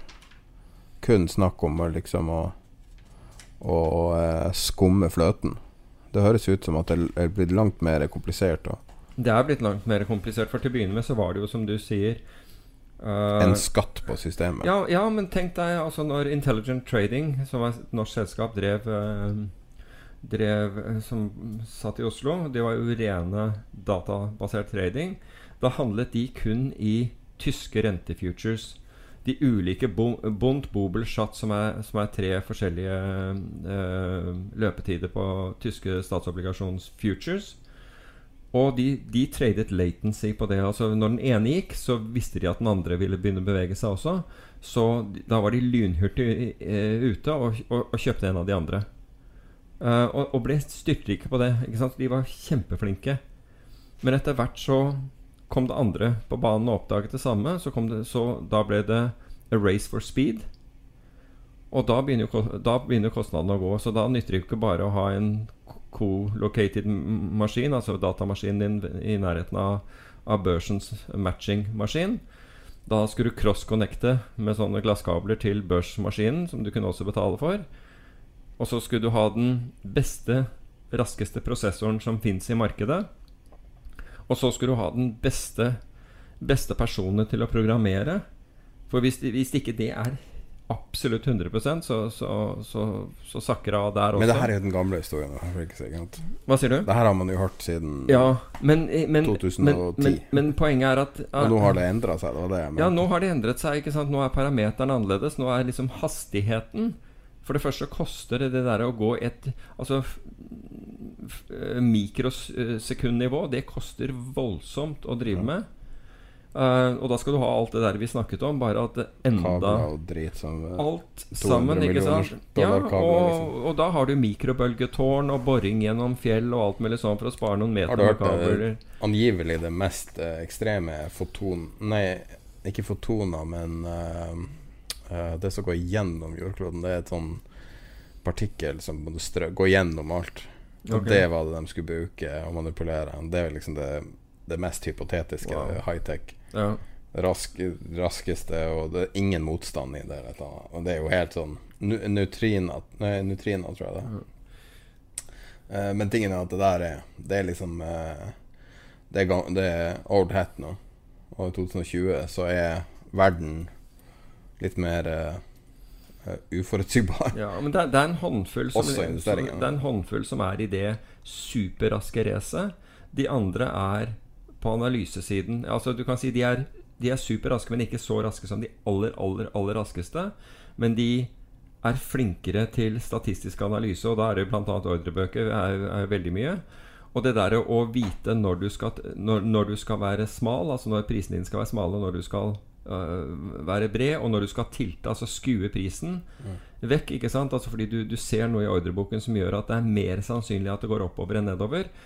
Eh, Da flytter du, ikke sant? Da skuer du prisen med å være mer aggressiv med kjøpekursen din enn selgekursen, blant annet, ikke sant? Og dette, og dette går på mikrosekundnivå. Jeg har lyst til å vise noe apropos det du sier nå. Eh, I dag eller i går eller et eller annet, så jeg, jeg skulle bare koble av en liten periode. Bare med sånn bullshit på internett. Og da var det noen som hadde laga en oversikt over hvordan basket hadde forandra seg. Og hadde tatt hver sesong. Der de hadde analysert hvor Basket? Ja, basketball. Oh, ja. NBA. Mhm. Så analysert hvor skuddene kom fra. Altså hvor mål... må- altså mål på, ja. ja mål, målskuddene kom fra. Altså der Ja. de skåret et poeng. eh, hver sesong. Og det var så interessant å se hvordan det forandra seg. Tilpasse seg reglene og forandre seg. Og det er jo veldig sammenlignbart med mm. hvordan uh, enten forvaltere eller uh, marketmakere Ja, ja. De er jo mer og mer det. Kjempeinteressant. Kan du inkludere den linken? Ja, jeg må Ja. å finne det. Og det er utrolig interessant å se, fordi at liksom du hadde f.eks. en endring i forsvarsmønsteret. Nå ser jeg ikke noe særlig på NBA, selv når jeg spilte basket, gjør jeg ikke det, men jeg kan skjønne hvorfor det her er artig data å se på. Fordi at eh, det gir deg en sånn vis Det viser forandring, og så ser du f.eks. Liksom spredning utover når de hadde soneforsvar og masse sånne Det var folk som forklarte det i Mm. kommentarfeltene. Uh, men det er på en måte veldig sammenlignbart. Man skal prøve å skjønne hvordan de her data datagrunnlagene, hvor de kommer fra, og, og hvordan de ser ut. Fordi at Mm. de ser jo på en måte ganske like ut. Det er vanskelig å finne det der, men jeg klarer nok å finne det. Ja, du kan jo legge det ved som en link. Legge det i beskrivelsen. Eh, men da kan vi eh, Hadde du mer på, eh, på Ja, hadde, ja for, og det var Ja, to ting til. Den ene var Brevin Howard. De, er jo, de har jo vært der i Det er London-basert hedgefond. Jeg husker ikke hvor mange milliarder de har til forvaltning, men det er betydelig. Alan Howard som er hovedpersonen der, men de har, de har totalt fem porteføljeforvaltere. Og poenget der var 20 milliarder. 20 milliarder? Dollar. Ok. Og um, er da at disse fem er skal være uavhengig eh, tenkende. Det er ingen vits i å ha gruppetenking. Um, Der ja. ser du hvordan det har utvikla seg, skuddene. Aha. Se hvor forskjellige mønstre. Mm. Um, det, det er ingen vits i med, med, med gruppetenking, for da, da Uh, jeg, jeg husker hvor, hvor lett det var liksom å få gruppetenking. For Hvis du sitter aksjefond sammen med hedgefond, så vil jo aldri aksjefondforvaltere høre at uh, noen som helst tvil om, om aksjemarkedet i det hele tatt. For det, det må gå opp for at de skal tjene penger.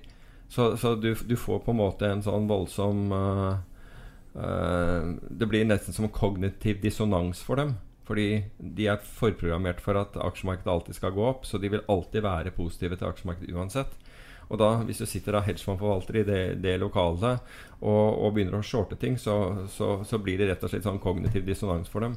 Men hos Brevin Howard, så, men, som han sa, også på spørsmål om det, hvordan øh, fungerte det, så sa de det er jo ingen vits i å, for, for investorer å investere i hedgefond dersom de skal gå opp og ned med aksjemarkedet.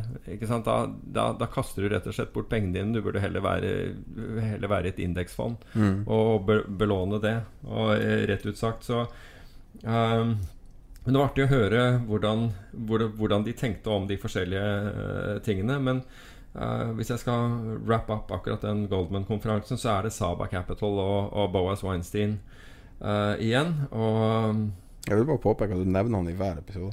ja, men altså, hvis du er opp nesten 80% i år, i et år hvor alle øh, liksom stort sett taper penger, så, så føler jeg at han, at han fortjener det. Ja. Um, og, og det var én ting altså, Han er veldig cerebral. Altså, han er kjent for å Han har bl.a. spilt mot Magnus Carlsson og Carlsen i, i, i sjakk. Ja, Carlsen i, i, sjakk. Men det, det har jo uh, Igor Tulczynski gjort også i World Quant. Men han er regnet for det. Altså, jeg husker at de, de klarte å dytte han inn i en annen po pokerturnering uten at han hadde spilt noe særlig poker, og, og han wiped the floor med, med de andre, så han er relativt uh, uh, Han har et godt hode, som han sier. Men poenget her var at han, han sa at at voldmarkedene har ledet alt som har egentlig foregått. Og det var noen som sa at korrelasjon faktisk ledet vold også igjen. Men voldmarkedene har, har ledet. De har veldig ofte fortalt deg at noe var galt, og, og, og, og bedt deg skjerpe deg. Og det har vært en, en leder. Han fortalte bl.a. Og, uten, at jeg hadde, uten at jeg hadde tenkt på det Jeg visste jo om Argentina, men det, er- det er jo tre Det har vært tre nasjonale defaults, altså nasjoner som har gått konkurs i år. Var du klar over det? Mm, er, er, er Libya Jeg så det på TV. Ikke, ikke Libya, Libanon. Libanon, ja. Libanon. Jeg så det på TV. Og, ja, og den tredje er Ecuador.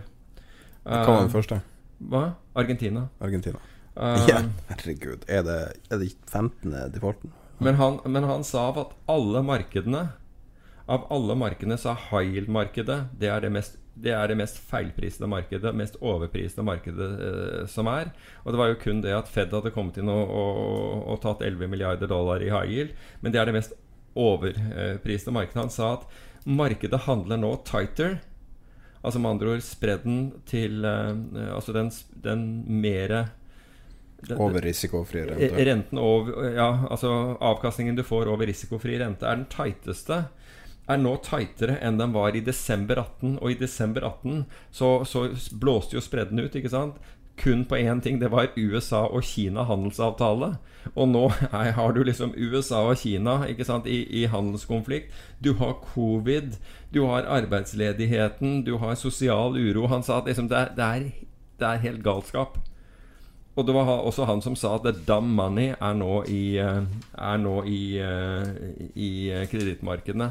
Det har funnet veien til kredittmarkedene, så var det der det var. Men jeg føler jo at Å høre han er For han, han har en måte å uttrykke kompliserte ting på veldig enkelt. Og, og, og sånn sett så er han alltid, alltid spennende å, å, å høre på.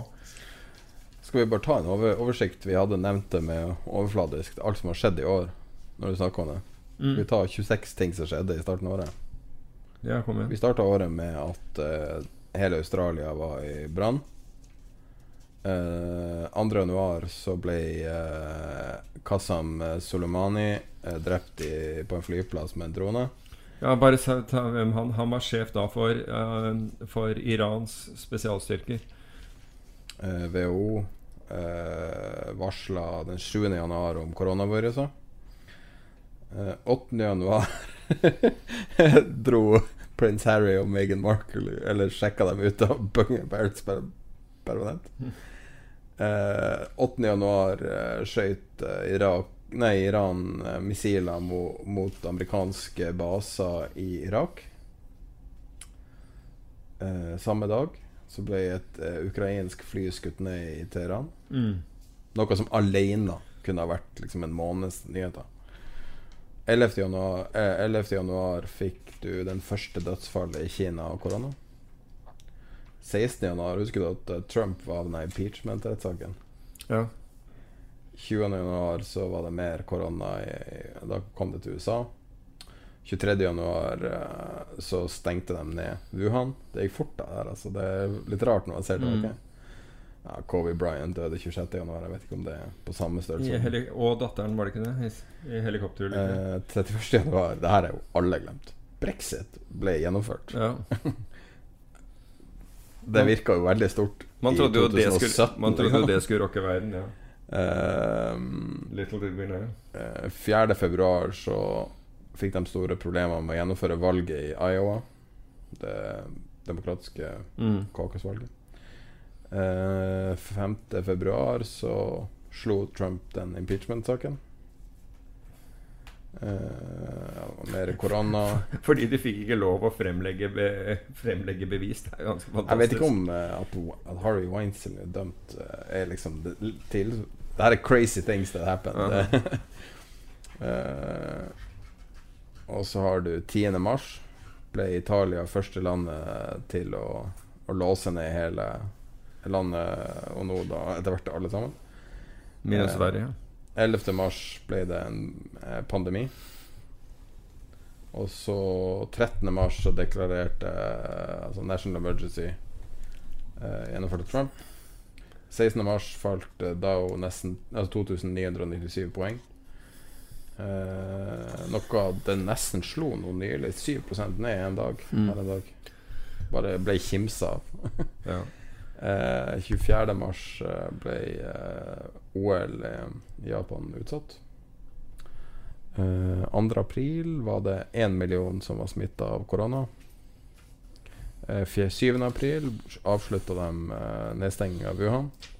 8. april droppa Bernie Sanders ut, og man fikk vite at Joe Biden var Den eneste motstanderen mm. mot eh, Trump. Eh, 9. april så var eh, New York State um, Hadde New York State mer Eller New York City mer tilfeller av korona enn noen andre land i verden. Og det her er en litt gammel artikkel, så det stopper der. Men det er jævlig mye som har skjedd i år. Og markedet er pike. Ja. Det var ikke noe jeg hadde tenkt å snakke om, men uh, jeg bare Bare kom over det. Så uh, Men det er én ting som har skjedd nå, i går eller i forgårs, som ikke var med på lista når det skjedde da tidlig i år. Det er at Zero Hedge er tilbake på Twitter. Ja, jeg vet ikke om det, det rocker verden, men eh, altså, nå har vel eh, Zero Hedge vært der på Twitter, eh, bare under et annet navn. Mm. Jo, det, hva var det de het da? De, de var der Det heter Not Zero Hedge eller et eller Nei, annet. nei, nei, det var et Nei. Det, det er et han, gjenoppsto jo umiddelbart med, med, en, med et pseudonym. Jeg, eh, Det var veldig mange som gjenoppsto og lagde sånne spill. Nei, men, men det er den, den og Fordi den Altså Hvis du trykker på den, så kommer du til Zero Hedge. Uh, Ja, ja, men det er jo 1000 millioner superfans. Så Ja, men da kom du Altså, det var de artiklene. Det var akkurat de samme. Et eller annet Ja. Dorsky et eller annet, et eller annet før det. Og Podolsky. ja, ja, han, det er en annen kar. Ja, så jeg uh, Ja, han har, han har vært Nei, der er hele tiden. Nei, det er en annen kar. Ok. Det, det var kanskje 50 kopier som dukka opp med en gang for å distribuere alt. Men det er jo litt sånn symptomatisk, fordi at Zero Hedge har jo fulgt markedet siden det ble etablert. Det ble jo etablert helt, helt, helt på bunnen i 2009. Jeg husker ikke om det var 9. mars, men det var i mars i 2009. Ehm, sist gang aksjemarkedet for alvor bunna ut. Da kom de inn som en veldig skeptisk røst. Nå er det jo veldig mye konspirasjonsteorier, veldig mye politikk, men likevel Det føles signifikant at de er tilbake på et eller annet vis. Ja, jeg altså- vet ikke om det er positivt. Nei, jeg vet heller ikke det, men jeg, jeg har vel egentlig oppfattet at de aldri har vært borte i og med at du har hatt den der, eh, andre og Stanislav en, et eller annet, men eh, og det ble jo, Men det, det ble jo hevda at det var Altså det var det var nytt navn, og så var det i gang igjen, men eh, Ja. uh, Men jeg vet ikke hvor signifikant det er. Men du kan si at når alt det andre vi vet, er på, på, på Twitter, så var det jo helt galskap at eh, de plutselig ble Altså du kunne gjøre nesten hva som helst, og egentlig kunne gjøre hva som helst. Nå begynte man jo å, å, å regulere lite grann, men uh, da gikk det jo helt meningsløst. Twitter sa We made an error in our enforcement in this case. Ja. Based on additional context from the account holder in appeal, we have reinstated account. Ja, bra det, da. Da får Daniel Ivandinsky eh, endelig sitte og raljere løst. Er det, er det det han heter? Ja. Han eh, er en uh, relativt rik mann. Han ble rik på media, ikke på Stalingrad and Porsky. Ja, det, Var det vel? det er jo Standard and Ja, Ja, jeg skjønner det. Men Stalingrad and Porsky, det var ja det, han har vært på i årevis. Uh, men anyway så, Men det er godt Ja. Altså, det, nå er ikke jeg en som leser Zero Hedge veldig mye, men Nei, jeg, det- jeg, Men det var en periode jeg syns det var fint. Det syns jeg også. Og så kommer det korona, og så blir de bare helt Ja. ellevill. Det var sånn som skjedde rundt valget i 2016. Da måtte jeg bare Mm. koble av. Men det er fint å følge med hvis man skal bare ha real time hva som skjer. Hvis du Ikke at jeg, jeg syns det er så relevant nå, Fordi alt er så idiotisk at jeg, jeg vet nesten ikke om jeg vil følge, følge med i real time. Nei, jeg, jeg, jeg vet ikke, men altså, jeg, jeg synes jo når, Til å begynne med så syns jeg jo at han hadde mye bra. Men etter hvert så syns jeg det ble veldig utvannet og ble mye tull. Um, det blir Nei, altså, de har, det er jo ganske klart hvordan de jobber. Da. De har en, en eller to politiske editorer. Og så har du han som uh, på en måte driver den uh, finansbiten. Og så driver strategien, da. Mm. Eh, sånn at det er enkeltpersoner som er sånn halvveis eh, Altså eh, mentalt syke, liksom. Som bare deler sin, sin ekstremt paranoide syn okay. på verden. Eh, og det har kommet fram masse data om det. Men, men det er en så stor medieorganisasjon at du kan ikke ignorere det. Nei. Eh, Det er veldig mange som har lyst til å gjøre det. Det er større enn CNBC. Liksom. Men det er ikke en troll farm heller. Nei, jeg tror ikke Altså Faren hans var jo angivelig russ eh, sovjetisk etterretning eh, ja, fra Bulgaria. Um, så det er, det er en spesiell institusjon. Det er definitivt uh, mye koblinger mot Russland. Om, om det er direkte kobla til uh, helt opp liksom, til Kreml, det vet jeg ikke. Men, men det er noe man ikke skal ignorere. Mm. Altså, Reuters skrev en artikkel når de var tilbake på Twitter, liksom. Altså, det er såpass såpass viktig, da. Uh, kan jeg bare påpeke at Leda Braga er en av de beste navnene jeg noen har hørt. Ok. Det høres ut som en superhelt. Hun er uh, latino. Jeg tror det er Latinx nå. Det er det PC-nye navnet. Compounding causality, noe du har skrevet om mye. Ja, eh, det kom jo fra en oppgave jeg skrev, men, men etter hvert så har jeg blitt spurt mye om den. Og jeg har jo nevnt den ved, ved, ved et par anledninger. Og stadig så enten kommer folk på Messenger og spør forskjellige ting om det, men, men poenget eh, Altså, oppgaven ble skrevet fordi jeg mente eh, at veldig mye av ting som skjedde, og det være ulykker eller attentat eller store hendelser eh, som man oppfattet at skjedde plutselig, kunne du spore tilbake. Altså det var ting som bygget seg opp over tid, eh, slik at utfallet var ikke så usannsynlig som, som man skulle tro. Eh, og, men du kan jo også ta dette på et, også helt ned på, på et personlig nivå. Altså når, Hvis du sitter og investerer eller du skal, du skal uh, på en eller annen måte yte noe, og du ikke er helt til stede, så, så, er det fordi tankene dine er et annet sted. ikke sant? Tankene dine er enten i, i fortiden, fordi du har akkurat opplevd noe eller noe sånt som pågår i hodet ditt, eller så er den i fremtiden fordi du skal et eller annet. F.eks. du skal til tannlegen og ha en uh, rotfylling eller noe sånt. Du vet at dette er altså, Men poenget mitt er at du er ikke i nuet. Og i, i, uh, investering og i, i, trading og den type ting så trenger du virkelig å være i nuet, fordi det er en elitesport. Du konkurrerer med de aller beste. Um, og jeg ser det så mye sånn der hvor folk sier at Prøver å finne unnskyldning for hvorfor det gikk feil, og alt mulig sånn. Og, du, og det er ganske enkelt. Altså du hvis du tenker på at det, mye av det du skal gjøre, i hvert fall hvis du er i veldig konkurranseutsatte virksomheter, som jeg vil hevde trading er, men det er jo også mange andre ting, så må du yte. Du må være på en måte på topp. Hvis du da ikke passer på hydreringen din, altså med, med andre ord at du er hydrert, så for det, for det første, hvis du er dehydrert, så får du hodepine, og hodepine kommer i hvert fall til å, til å, å, å svekke konsentrasjonen din. Det gjør mange andre ting med kroppen din. Hvis du ikke har sovet godt, så er, så er jo øh, evnen din til vurderinger og, og, og dømmekraften din, din, nedsatt.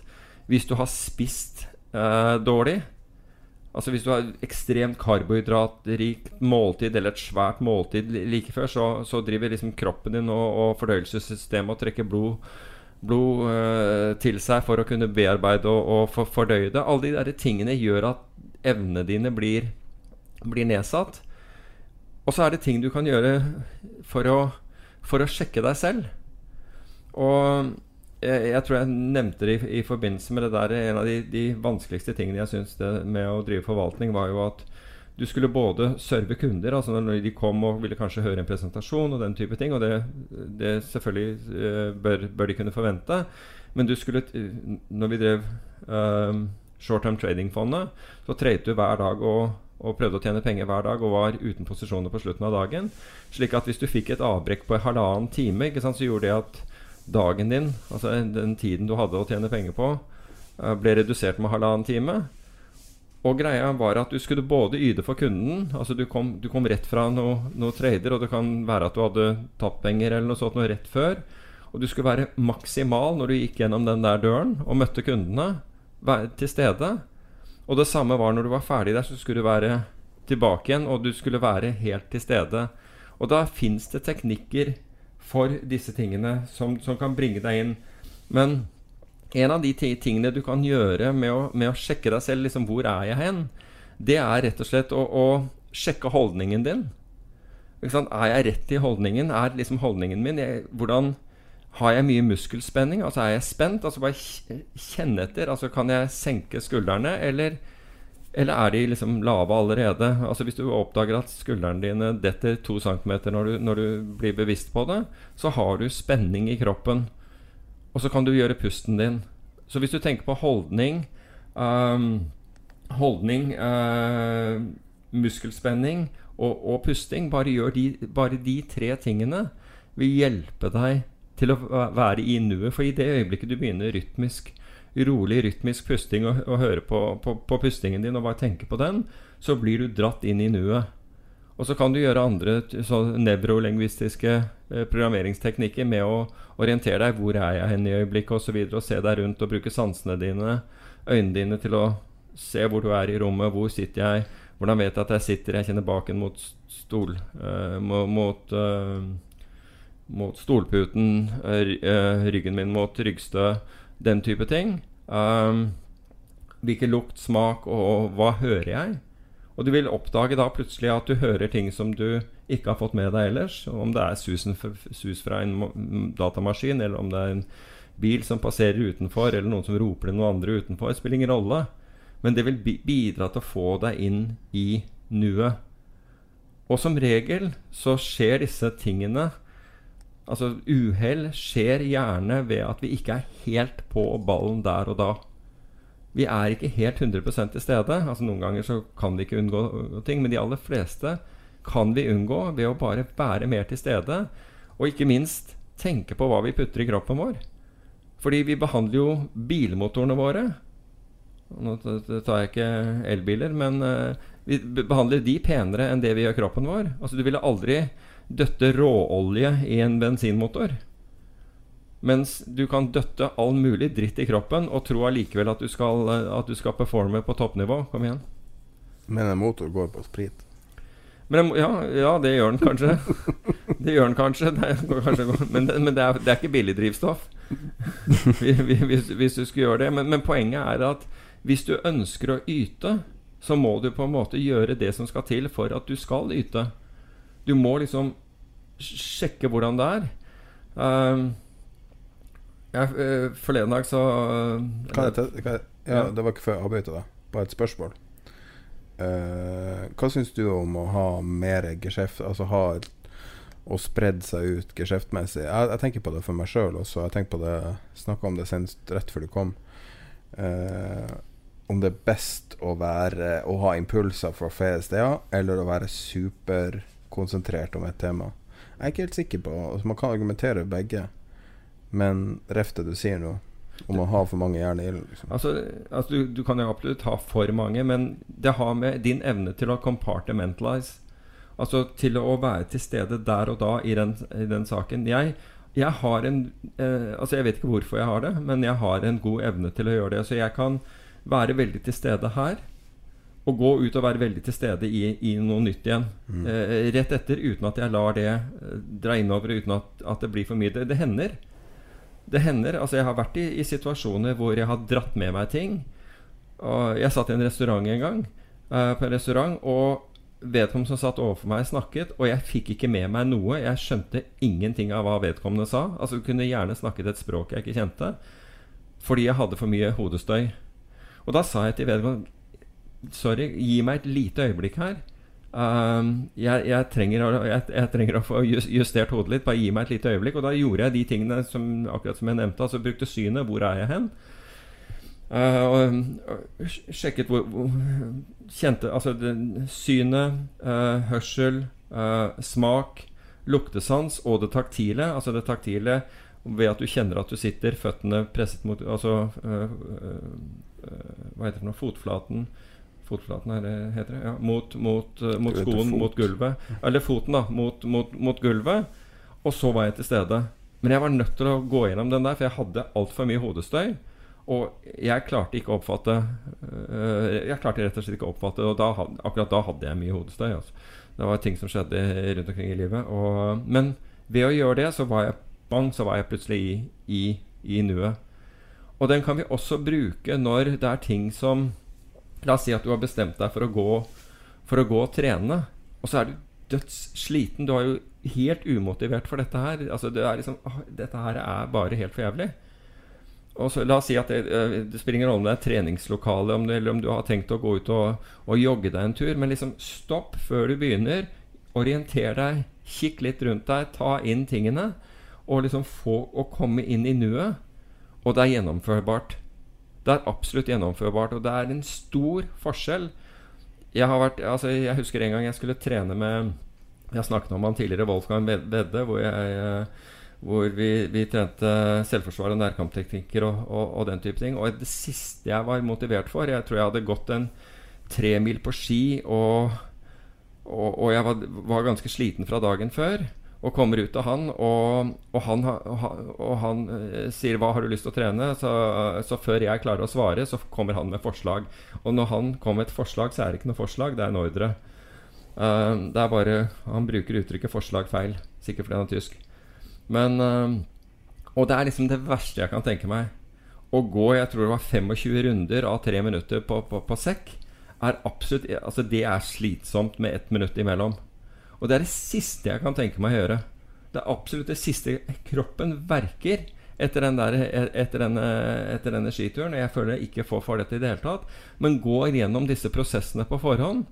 Og før du aner ordet av det, så er du i det der. Og de der 20 rundene går, går veldig greit. Dette tar jo da, som alle vil forstå, godt over en time. Liksom hvor, hvor med høy puls og, og hvor du har tilbakemeldinger i, i ett minutt mellom rundene. Um, så poenget og, og, og vet, altså, Det er ikke prestasjonene på, på i, i det jeg gjorde, som jeg vil påpeke her. Men, det, men når jeg kom ut på den andre siden, så tenkte jeg jøss, det der var jeg helt sikker på at jeg ikke ville, jeg ikke ville få til. Altså, jeg, jeg var helt jeg var på en måte syka ut før jeg startet. Men ved, ved å dra dette her inn, så kan du gjøre det likevel. Og det, det har med å motivere seg Men å bruke dette her, bruke dette her fornuftig. Men hvis man kan Og dette, gjelder, dette er hvis du f.eks. blir blir, blir skremt av noe. Du, noe skremmer deg, så du går med den der følelsen i, i kroppen igjen. Hvordan er vi når vi er skremt? Jo, vi kryper sammen. Vi spenner muskulaturen. Vi puster fort. Reverser det. Senk, senk pustingen din. Ro ned pustingen din. Hvis du puster rolig, rytmisk i tre minutter, kommer jeg garantert til å føle deg mye bedre. Hvis vi retter oss opp, så, så den fysiologien ved å rette seg opp forteller hjernen vår at ting er bra. Du kan gjerne gjøre ting som å smile også, hvis du vil gjøre det. Hvis vi liksom avspenner muskulaturen, så vil ting falle på plass. Og vi vil føle oss balansert. Så det er egentlig bare å gjøre det motsatte av den situasjonen du, du befinner deg i. F.eks. Hvis, hvis du blir skremt, eller hvis du blir sint. ikke sant? Det samme der. Du spenner muskulatur. Og, altså hvorfor Å spenne muskulatur er feil. Altså I en fysisk konfrontasjon f.eks. også, en spent muskel reagerer mye saktere enn en avslappet muskel. Så det er egentlig galt å stå der med, med, med råspente muskler og vente på at dette her skal kick off. Det, det mer avslappet du er, det, det, det mer fleksibel er du til å håndtere det som kommer, for du vet ikke hva som kommer. Um, og det raskere vil du også, også reagere. Så det er egentlig å gjøre det motsatte av liksom det Det liksom kroppen der og da gjør da med oss. Og det vil få oss til å føle oss bedre. Det gjelder, det gjelder som sagt frykt, og det gjelder sinne, og det gjelder, og det gjelder ting som det å, være, det å være lei seg, hele den biten der. Du kan ikke sant, Hvordan er du da? Altså, Hvordan er en person som er lei seg? Jo, den er antakelig skrøpet sammen og Altså Som går på dette med holdning. Altså Reverser disse tingene, og du føler deg veldig mye bedre. Det har vært så mange som har spurt spørsmål rundt dette her, enten på noen på Discord, noen på, på, på, på Messenger og, og på andre temaer, at jeg tenkte at det er på tide med en liten rev revisjon av det. Og det, dette gjelder jo selvfølgelig også hvis du er i high performance-type yrker. Uh, så gjelder de, de, de samme, samme tingene. Ta f.eks. en eh, Ta en pilot som er veldig spent når de skal gå inn for landing et eller annet sted. Det er klart Spente muskler er ikke optimalt for å, for å kjenne det flyet. Altså føle det flyet, hvordan, hvordan vinden tar flyet, og, og, og, og hvordan man skal håndtere det. Det er heller ikke optimalt for stikkebruken på, på, på flyet. fordi hvis du er veldig spent, så blir, blir bevegelsen din De blir i hvert fall ikke smooth av, av, disse tingene. Så, så dette er en det er, det er en prosess, og det er noe man kan trene på. Og alle klarer det. Det er det viktige. Alle klarer det. Skal du bli sånn NLP-coach? Nei, vet du hva? Nei, jeg har ikke eh, tenkt å, å, å bli NLP-coach, men jeg har sett verdien av For der er jo det samme. Altså. Ja, ja, altså, det er jo jeg- veldig mange av dem. Ja, det er det helt sikkert. Men jeg har Sikkert sett noe legitimt i grunnen. Altså. Ja, altså jeg mener at, du, at øh, Jeg vet at idrettshøyskolen har hatt det, blant annet. øh, hvor du kunne utdanne deg innenfor for, for dette her. Og no, noen jeg kjenner, har faktisk gjort det også. Jeg har ikke gjort det. Men, uh, men jeg har sett verdien av det. Jeg har absolutt sett verdien av det. Sett verdien av altså, jeg, Fordi jeg har følt mye frykt i livet. da um, Og det der med pustingen Altså Jeg hadde ikke peiling på dette her. Så når jeg var kald og redd, så ville jeg tenke på varm Altså jeg ville tenke på varme farger og, og, og, på, og på, på pusten. Um, så jeg vet jo at, at, at dette virker. Så det, jeg er ikke i tvil i det hele tatt. Og det er jo ikke noe dette, dette er jo ren fysiologi av hvordan hjernen vår virker. Det er, dette er ikke noe sånn uh, Dette er ikke noe voodoo ved dette her. Det er helt klare fysiologiske eh, grunner til at, at avspenning og den type ting virker. Yes. Vet du hva som også virker? Ja, nå har du tenkt å ta hva da? T-shots? Og, eh, inver og inverse eh, Jim Kramer. Altså Han har jo hatt rykte på seg for å ha så konsekvent feil over så lang tid. Og da tror det er relativt mange som bare he hele tida har trada mot det han sier. Og han sa noe litt uvanlig. Kan vi si hvem Jim Kramer er, bare sånn kjapt? CNBC-klovn. Ja. Som står og slår på knapper og lager finans om til det han mener er underholdende. Jeg vet ikke hvem som lar seg underholde av det. Er han canadier opp, opprinnelig, eller? Så han bruker sånne canadiske uttrykk, men jeg vet ikke. Han er um, Han er uh, Han hadde et fond way back. Han er omtrent like connecta til high finance som jeg er. Altså det Han er definitivt en, uh, en TV- og internettklovn nå i veldig mange sine øyne. Men han sa noe interessant nå eh, før helga, som var at han beskrev det her som tidenes mest overkjøpte marked. Så da har man et lite problem. da Jeg er jo grunnleggende enig med det, men, men det går ikke an å være enig med Jim Cramer, så da lurer jeg på hva du syns om Skal man inverse Jeg vet ikke. Jeg har ikke Skal man gå long? jeg har ikke stud- altså, han er jo bare en han som skriker og hyler og holder på, så jeg har jeg, Men det er akkurat derfor han er fin å inverse. Fordi Ja, men det er, bare, det er så få ganger jeg har, eh, jeg har hørt en rant fra han at uh, Altså, det der er altså, Don't confuse uh, analysis with entertainment. Eller entertainment with analysis. Bear. Stearns is fine. Ja. Det, Beste sitatet jeg vet. Nettopp. Men altså, hvis han mente at markedet var overkjøpt Men uh, altså, det, har, det er jo noe vi har snakket om også i, i lang tid, så jeg håper ikke at vi kommer i samme bås som Jim Cramer i tilfelle. Men det kan jo være at Jim Cramer får uh, mot alle odds uh, denne gangen treffer et eller annet. Hva vet jeg. Markedet har jo solgt av siden, så uten tvil. Han har jo vært, uh, vært heiagjeng for, for mange aksjer, deriblant Tesla, i lang tid nå. Så Mhm. han har sikkert vært med å drive en hel del retail-penger inn i enkeltaksjer. Jeg ser ikke Altså Det skal veldig mye til at jeg ser på CNBC. Altså det, det vil være hvis noen har lenket et eller annet, og det er en en av forvalter eller noe sånt som jeg kunne tenke meg å høre på. Men, men CNBC, det er, det er underholdning. Og de bare, altså, det som skjer i markedene, og det CNBC ser, eh, sier skjer i markedene, er to vidt forskjellige ting. De, har, altså, de, de bryr seg ikke om, om om det de sier er riktig eller galt. Det er bare det er underholdnings-TV. Det, det er finansiell underholdning. Eh, du hadde lest den spalten til Terje Erikstad i den, eh, og ville snakke om, eh, om smøring av kunder.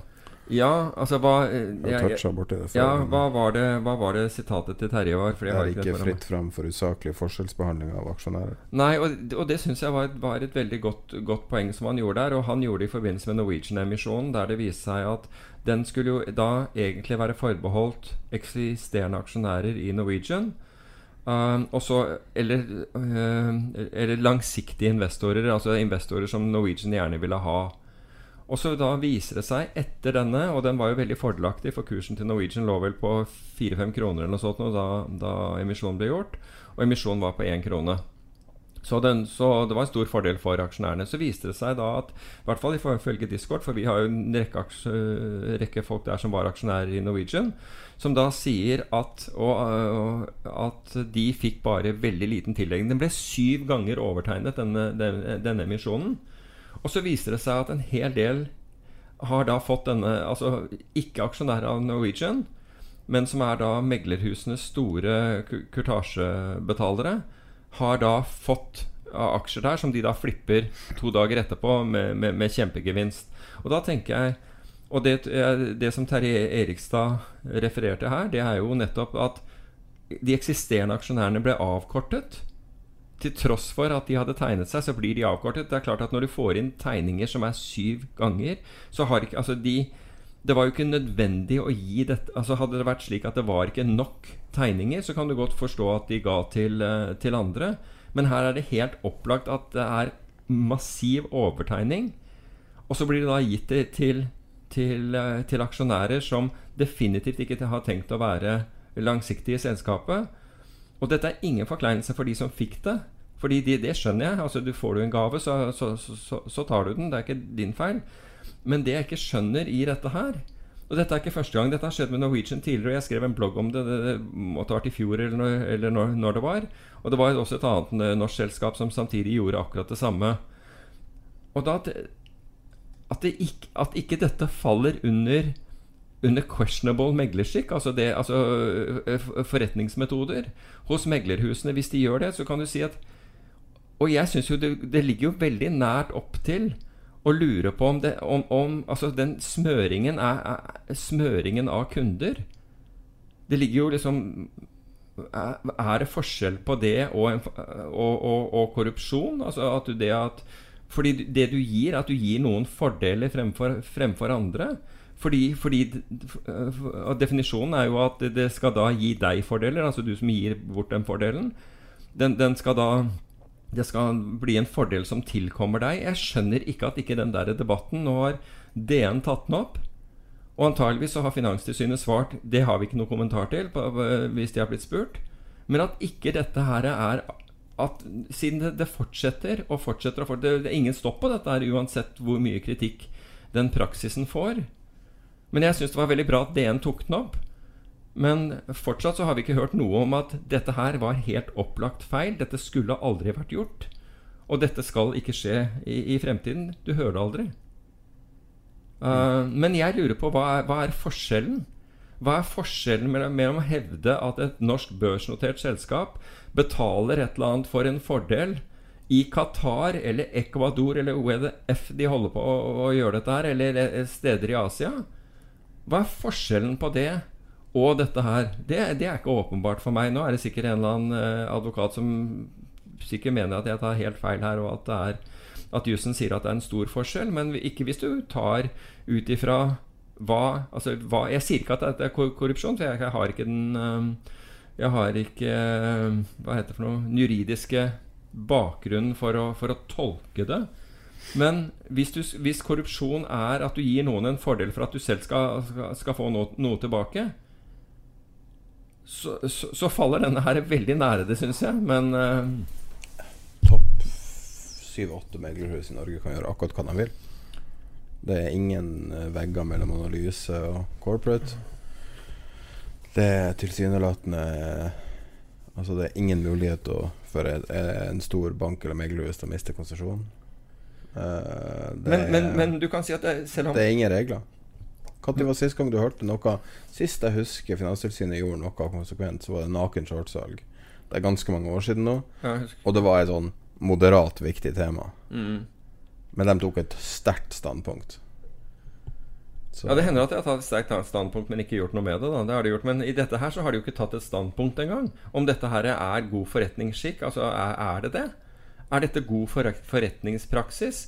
Og jeg tenker på de der aksjonærene som har de, de, langsiktige aksjonærene i Norwegian som har vært med hele veien nedover. Og så får ikke de full andel engang.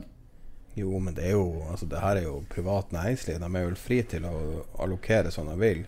Hvis det ikke fins tildelingskriterier, så er de det. Ja. Men det har jo vært til tildelingskriterier altså, Folk må jo saksøke dem for å finne ut av Ja, men det, det skulle jo være helt unødvendig å måtte saksøke. Det skulle jo fremgå av tildelingskriteriene, og så skulle da noen følge opp. For forhåpentligvis Finanstilsynet følge opp om de tildelingskriteriene ble møtt eller ikke. Så enkelt ja. er det. Men altså, la oss si at de, Og det, ingenting hadde jo vært bedre men det er jo bare en lang lang, lang rekke av ting som ja. er problematisk. Jo, jo, men da, da syns jeg og, og, Men hadde det ikke vært enda bedre om Finanstilsynet hadde sett på det og sier Vet du hva, det var helt innafor tildelingskriteriene. De var sånn formulert, og dette var greit. Mm. Men Terje Erikstad lurer på det i, i, DN, og plenty av de jeg har sett på Discord, lurer også på det. Hvordan i all verden ble det der gjort? Med en syv ganger overtegning? Uh, og, mot det, og, mot det, som var uttrykt at man, man ønsket. Så hvis Hvis de tildelingskriteriene var så vage De hørtes ikke veldig vage ut for meg, men hvis de var så vage at det var umulig å tolke det annerledes enn La oss gi dette til venner og kjente, så de kan bli, bli rike over natt. Men det overrasker meg ikke et sekund. Det overrasker meg hvis de ikke gjorde det. Ikke gjorde hva? Hvordan meglerhus var det? Ja, det er flere meglerhus som var, var i den der. Nå skal Det er Samme ull, uansett. Ja, men altså, jeg skal ikke henge, nå, Poenget mitt er ikke å henge ut akkurat de meglerhusene, men den praksisen Mm. som har skjedd år ut og år inn på dette. Og så blir det aldri sett på engang. Det kommer ikke en eneste en uttalelse om Altså Jeg synes jo i hvert fall Da får man ta en uttalelse på det som sier at ja, dette er helt innafor. Bare gjør dette, gutter. Dette er eh, Og jenter. eh, Ja, det er privat næringsliv å go for it. Hva sier du? Ja, privat næringsliv får lov å holde på sånn som de vil. Liksom. Ja, altså, Altså, hvis du har eh, hvis, Folk snakker jo ofte om gutteklubben eh, når det kommer Ja. til, eh, til finans, og, og at det er liksom de her innsiderne, men det er ganske reelt. Du kan navngi de samme folkene som får utrolig mye urettferdige fordeler. Jo, men, men du kan si at hvis det er Ja. Altså, du har jo lovlige fordeler og ulovlige, ulovlige fordeler. da Denne her vet jeg ikke hvor havner, siden ingen har, ingen har liksom sett på det. Uh, men det ville jo være veldig lett å dokumentere hvis tildelingskriteriene var sånn. Da må du bare se om folk møter tildelingskriteriene eller ikke. Hvis du skulle f.eks.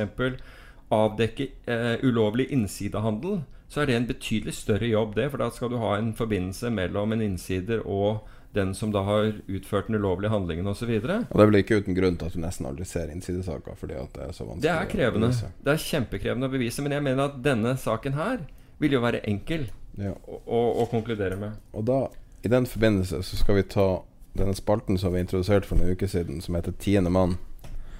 Som er da eh, Hvis det er et Det er jo litt sånn utvanna begrep allerede, men kommer fra etterretning, som er da at hvis alle er enige om en sak, så skal en person i rommet påta seg rollen som da kontrær, og si da eh, hva er eh, an, å, og, analysere noe som da fremstår som eh, eh, veldig usannsynlig, men da du skal argumentere for at det er tilfellet.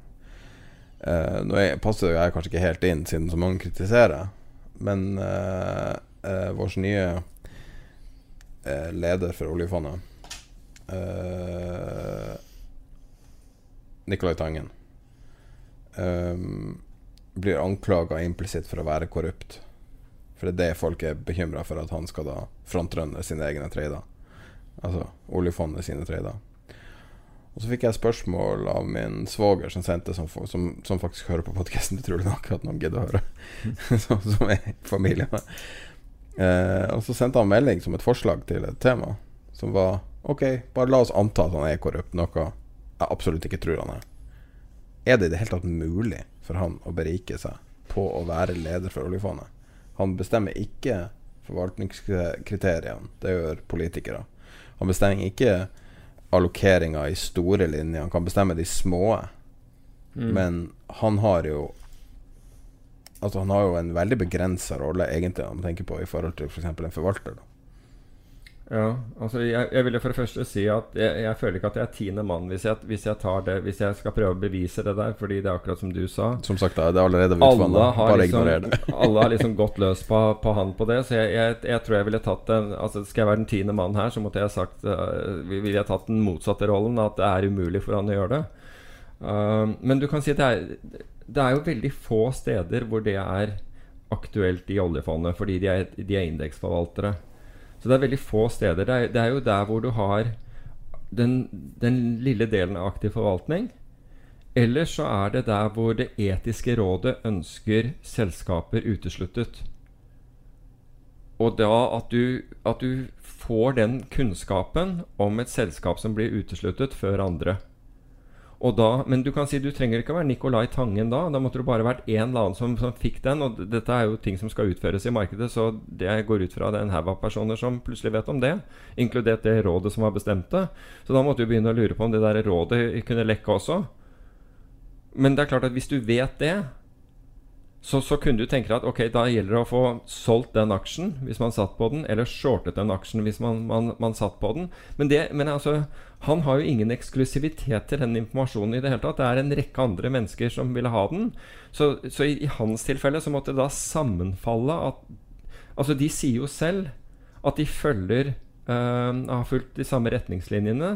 Så de har i, stort sett ikke, ikke hatt den type aksjer. Altså jeg, jeg aner ikke hva Ako sitter på av, av aksjer. Men det må være de, de aller de, de tilfellene hvor dette blir besluttet, og Ako mot formodning skulle sitte på den aksjen. Og Du- så skulle man da skynde seg å ringe, som da er en, en liten prosent av porteføljen. Så la oss si at det utgjør en 2% av den porteføljen. Og så kanskje liksom så, så, så beslutter man det, og så svekker den aksjen seg med, med 5 som utgjør 2 det, Ikke sant? Dette, da måtte du begynne å shorte altså, det, det, blir absurd for meg. Jeg kan ikke huske at oljefondet har flytta en aksje nevneverdig noen gang. De prøver jo i hvert fall ikke å gjøre det, for det går jo mot deres interesse av å flytte Ja, aksjen. Men altså tenkte jeg når var liksom De gjorde et eller annet, sa et eller annet. Kanskje hvis de har svartelista noe, så har man trodd at det fikk Mulig. en effekt, men Altså, den, i den Altså, hvis Jeg, jeg har ikke Jeg har ingen jeg, har ingen data på dette her, men du kunne jo tenke deg at i det øyeblikket oljefondet går ut og sier at vi svartelister X uh, selskap pga. Uh, bombe eller tobakk eller et eller annet sånt, eh, så, så den negative effekten det får i markedet, eh, kan svekke en aksje. La oss Ja, det er sier, men altså, jeg at det har skjedd engang. Nei, jeg vet ikke om det har skjedd. Jeg vet ikke om det har skjedd Men, men det er ikke utenkelig at det svekker en aksje litt. Men vi, det svekker kanskje noen få prosent. Og så i tillegg så har man en bitte liten posisjon i den, i den aksjen fordi både oljefondet og, og AKO er veldig diversifiserte fond. Altså, det, det Så hvis han skulle La oss si at han, at han tenkte Ok, nå skal, nå skal vi gå ut og si at Philip Morris er svartlista. Nå kan de sikkert det allerede. Og så går de ut og sier Philip Morris er svartlista. Så hvis han da kjøper en eh, opsjon som forfaller dag, ja. dagen etterpå, uh, sånn kan han da få mest mulig ut av den lille bevegelsen. Den lille Ja. bevegelsen. Det vil jo være så utrolig synlig. Det ville vært ekstremt transparent. Sånn, altså, du trenger ikke engang å Altså, du ser noen kommer inn med en mega altså- eh, En megaopsjon Ja. som forfaller dagen etterpå, så, og så kommer det en nyhet, så vil du jo skjønne med en gang hva som har skjedd. Ja, og du kan tenke deg motparten til denne opsjonen vil være mindre enn fornøyd ikke sant, i et sånt tilfelle, og sannsynligvis si 'død'. Det derre det der visste du om. Altså jeg tror, at, jeg tror at sannsynligheten for dette her Men, men nå, nå blir jo ikke han dømt i media Nå sier jeg 'dømt' i anførselstegn på, på, på ting som er sannsynlig. Du prøver å finne ting som er så Altså han, blir jo, han må jo på en måte stå til rette for ting som er så lite sannsynlig som det kan. Altså? Det er jo helt slitsomt. Men husker du de der skoen skoene til Røkken og gikk uten sokker? Det er jo omtrent som det, liksom. På 90-tallet. Senka det også? Senka det børsen, eller? Nei, men det senka jo ryktet hans. At han var sånn 90-tallsrik med Å, ja, det- sko uten sokker. Det altså, er omtrent like relevant nå, liksom. Ja, jeg husker eh, sko uten, uten strømpe, men jeg husker ikke at det hadde noen Jeg husker ikke liksom effekten rundt det. Men det blir jo som den, uten sammenligning for Men- øvrig, den Hagen-saken. At det at han er rik, teller jo mot han så til de grader. Mm. Fordi at folk ville ikke ha brydd seg så all verdens mye om den saken hvis ikke han var milliardær. Altså Det forsterker jo sakens interesse veldig. Nå, nå tenker du Tom Hagen, ikke Stein Erik Hagen. Eh, Tom Hagen. Ja. Eh, sånn at begge to, både Nicolai Tangen og Tom Hagen, hadde jo veldig lav profil i Norge for, forut av det. Eh, Nicolai Tangen hadde jo en høyere profil eh, lokalt, men utover det, så nasjonalt hadde han jo ikke en spesielt høy profil i det hele tatt. Eh, folk visste hvem han var, Nei. men that's it. Liksom. Eh, sånn at, eh, at det virker jo bare som en heksejakt. De, er ute, de har funnet noe som de kan prøve å hugge, hugge på han, og fortsette å gjøre det, fordi at det, det høres så bra ut. Ja. Men i praksis, hvordan i alle dager skal han klare å tjene penger på det der? Og da blir det liksom Occam's Racer. Han kommer ikke til å gjøre det. Mm. Nei, jeg tror at uh... Han er jo allerede milliardær. Liksom. Ja, altså jeg tror Altså jeg tror i forhold til I forhold til inntekter han gir fra seg, og skatt altså, og skatt han betaler, så da, da tror jeg han skulle gjøre noe ordentlig stort. For jeg tror det ville blitt ganske voldsomt hvis han skulle, hvis han skulle kompenseres i, i, i, i forhold til det. Så jeg tror altså, ta noe, altså, Skal holde på med det der, så ta det nå på noe faglig og noe ordentlig, og ikke liksom ikke, ikke sånn konspirasjonsteori rundt det. Det blir Men det er jo veldig mye. tiden med konspirasjonsteorier. Da. Ja, Det er jo overalt. Det er noe som er liksom sånn 2020 i et nøtteskall. Det er kompliserte konspirasjonsteorier, alle man sier. Men eh, Så det jo, stemmer jo veldig. Det er veldig i tiden. Ja, Apropos det, tror du Trump er syk nå når han ikke klarer å gå ned en bakke? Eh, Svar på det der er ja, men jeg tror det er uavhengig om man kommer ned en bakke eller ikke. Jeg tror, jeg tror, jeg tror svaret, svar, svar, svaret mitt vil ikke være avhengig av hvordan, om man kommer, klarer å gå ned en bakke eller ikke. Det kan jeg, det kan jeg Nei, det var bra apropos jeg. Den siste jeg hørte. Ja. Men du har, jo, du har jo introdusert en fyr som ingen har hørt om tidligere her også, så det blir jo spennende å se hvordan det går. Hvem? Kenguru? Ja, kenguru. Ja. Ken- Ken Guru blir, blir den som får skylda for alt heretter. Hver gang det skjer et eller annet i finans, så Da slipper jeg å tenke på hva i alle dager vi skal ha som uh, Hva vi skal ha som, som tittel på denne episoden. Men er så, Ken Guru, ja. så, så nevnes hans navn. Ja, den er rett og slett veldig bra. Nei. Nå tror jeg vi avslutter episode 80. Eh, Jeg kjenner det um, Apropos det her eh, NLP-en din, så tror jeg jeg må gå og spise sen lunsj her, altså. Da ses vi om to uker. Eller høres, kanskje. Jeg vet ikke. Tired of ads barging into your favorite news podcasts? Good news. Ad-free listening is available on Amazon Music for all the music plus top podcasts included with your Prime membership. Stay up to date on everything newsworthy by downloading the Amazon Music app for free or go to amazon.com slash news ad free. That's amazon.com slash news ad free to catch up on the latest episodes without the ads.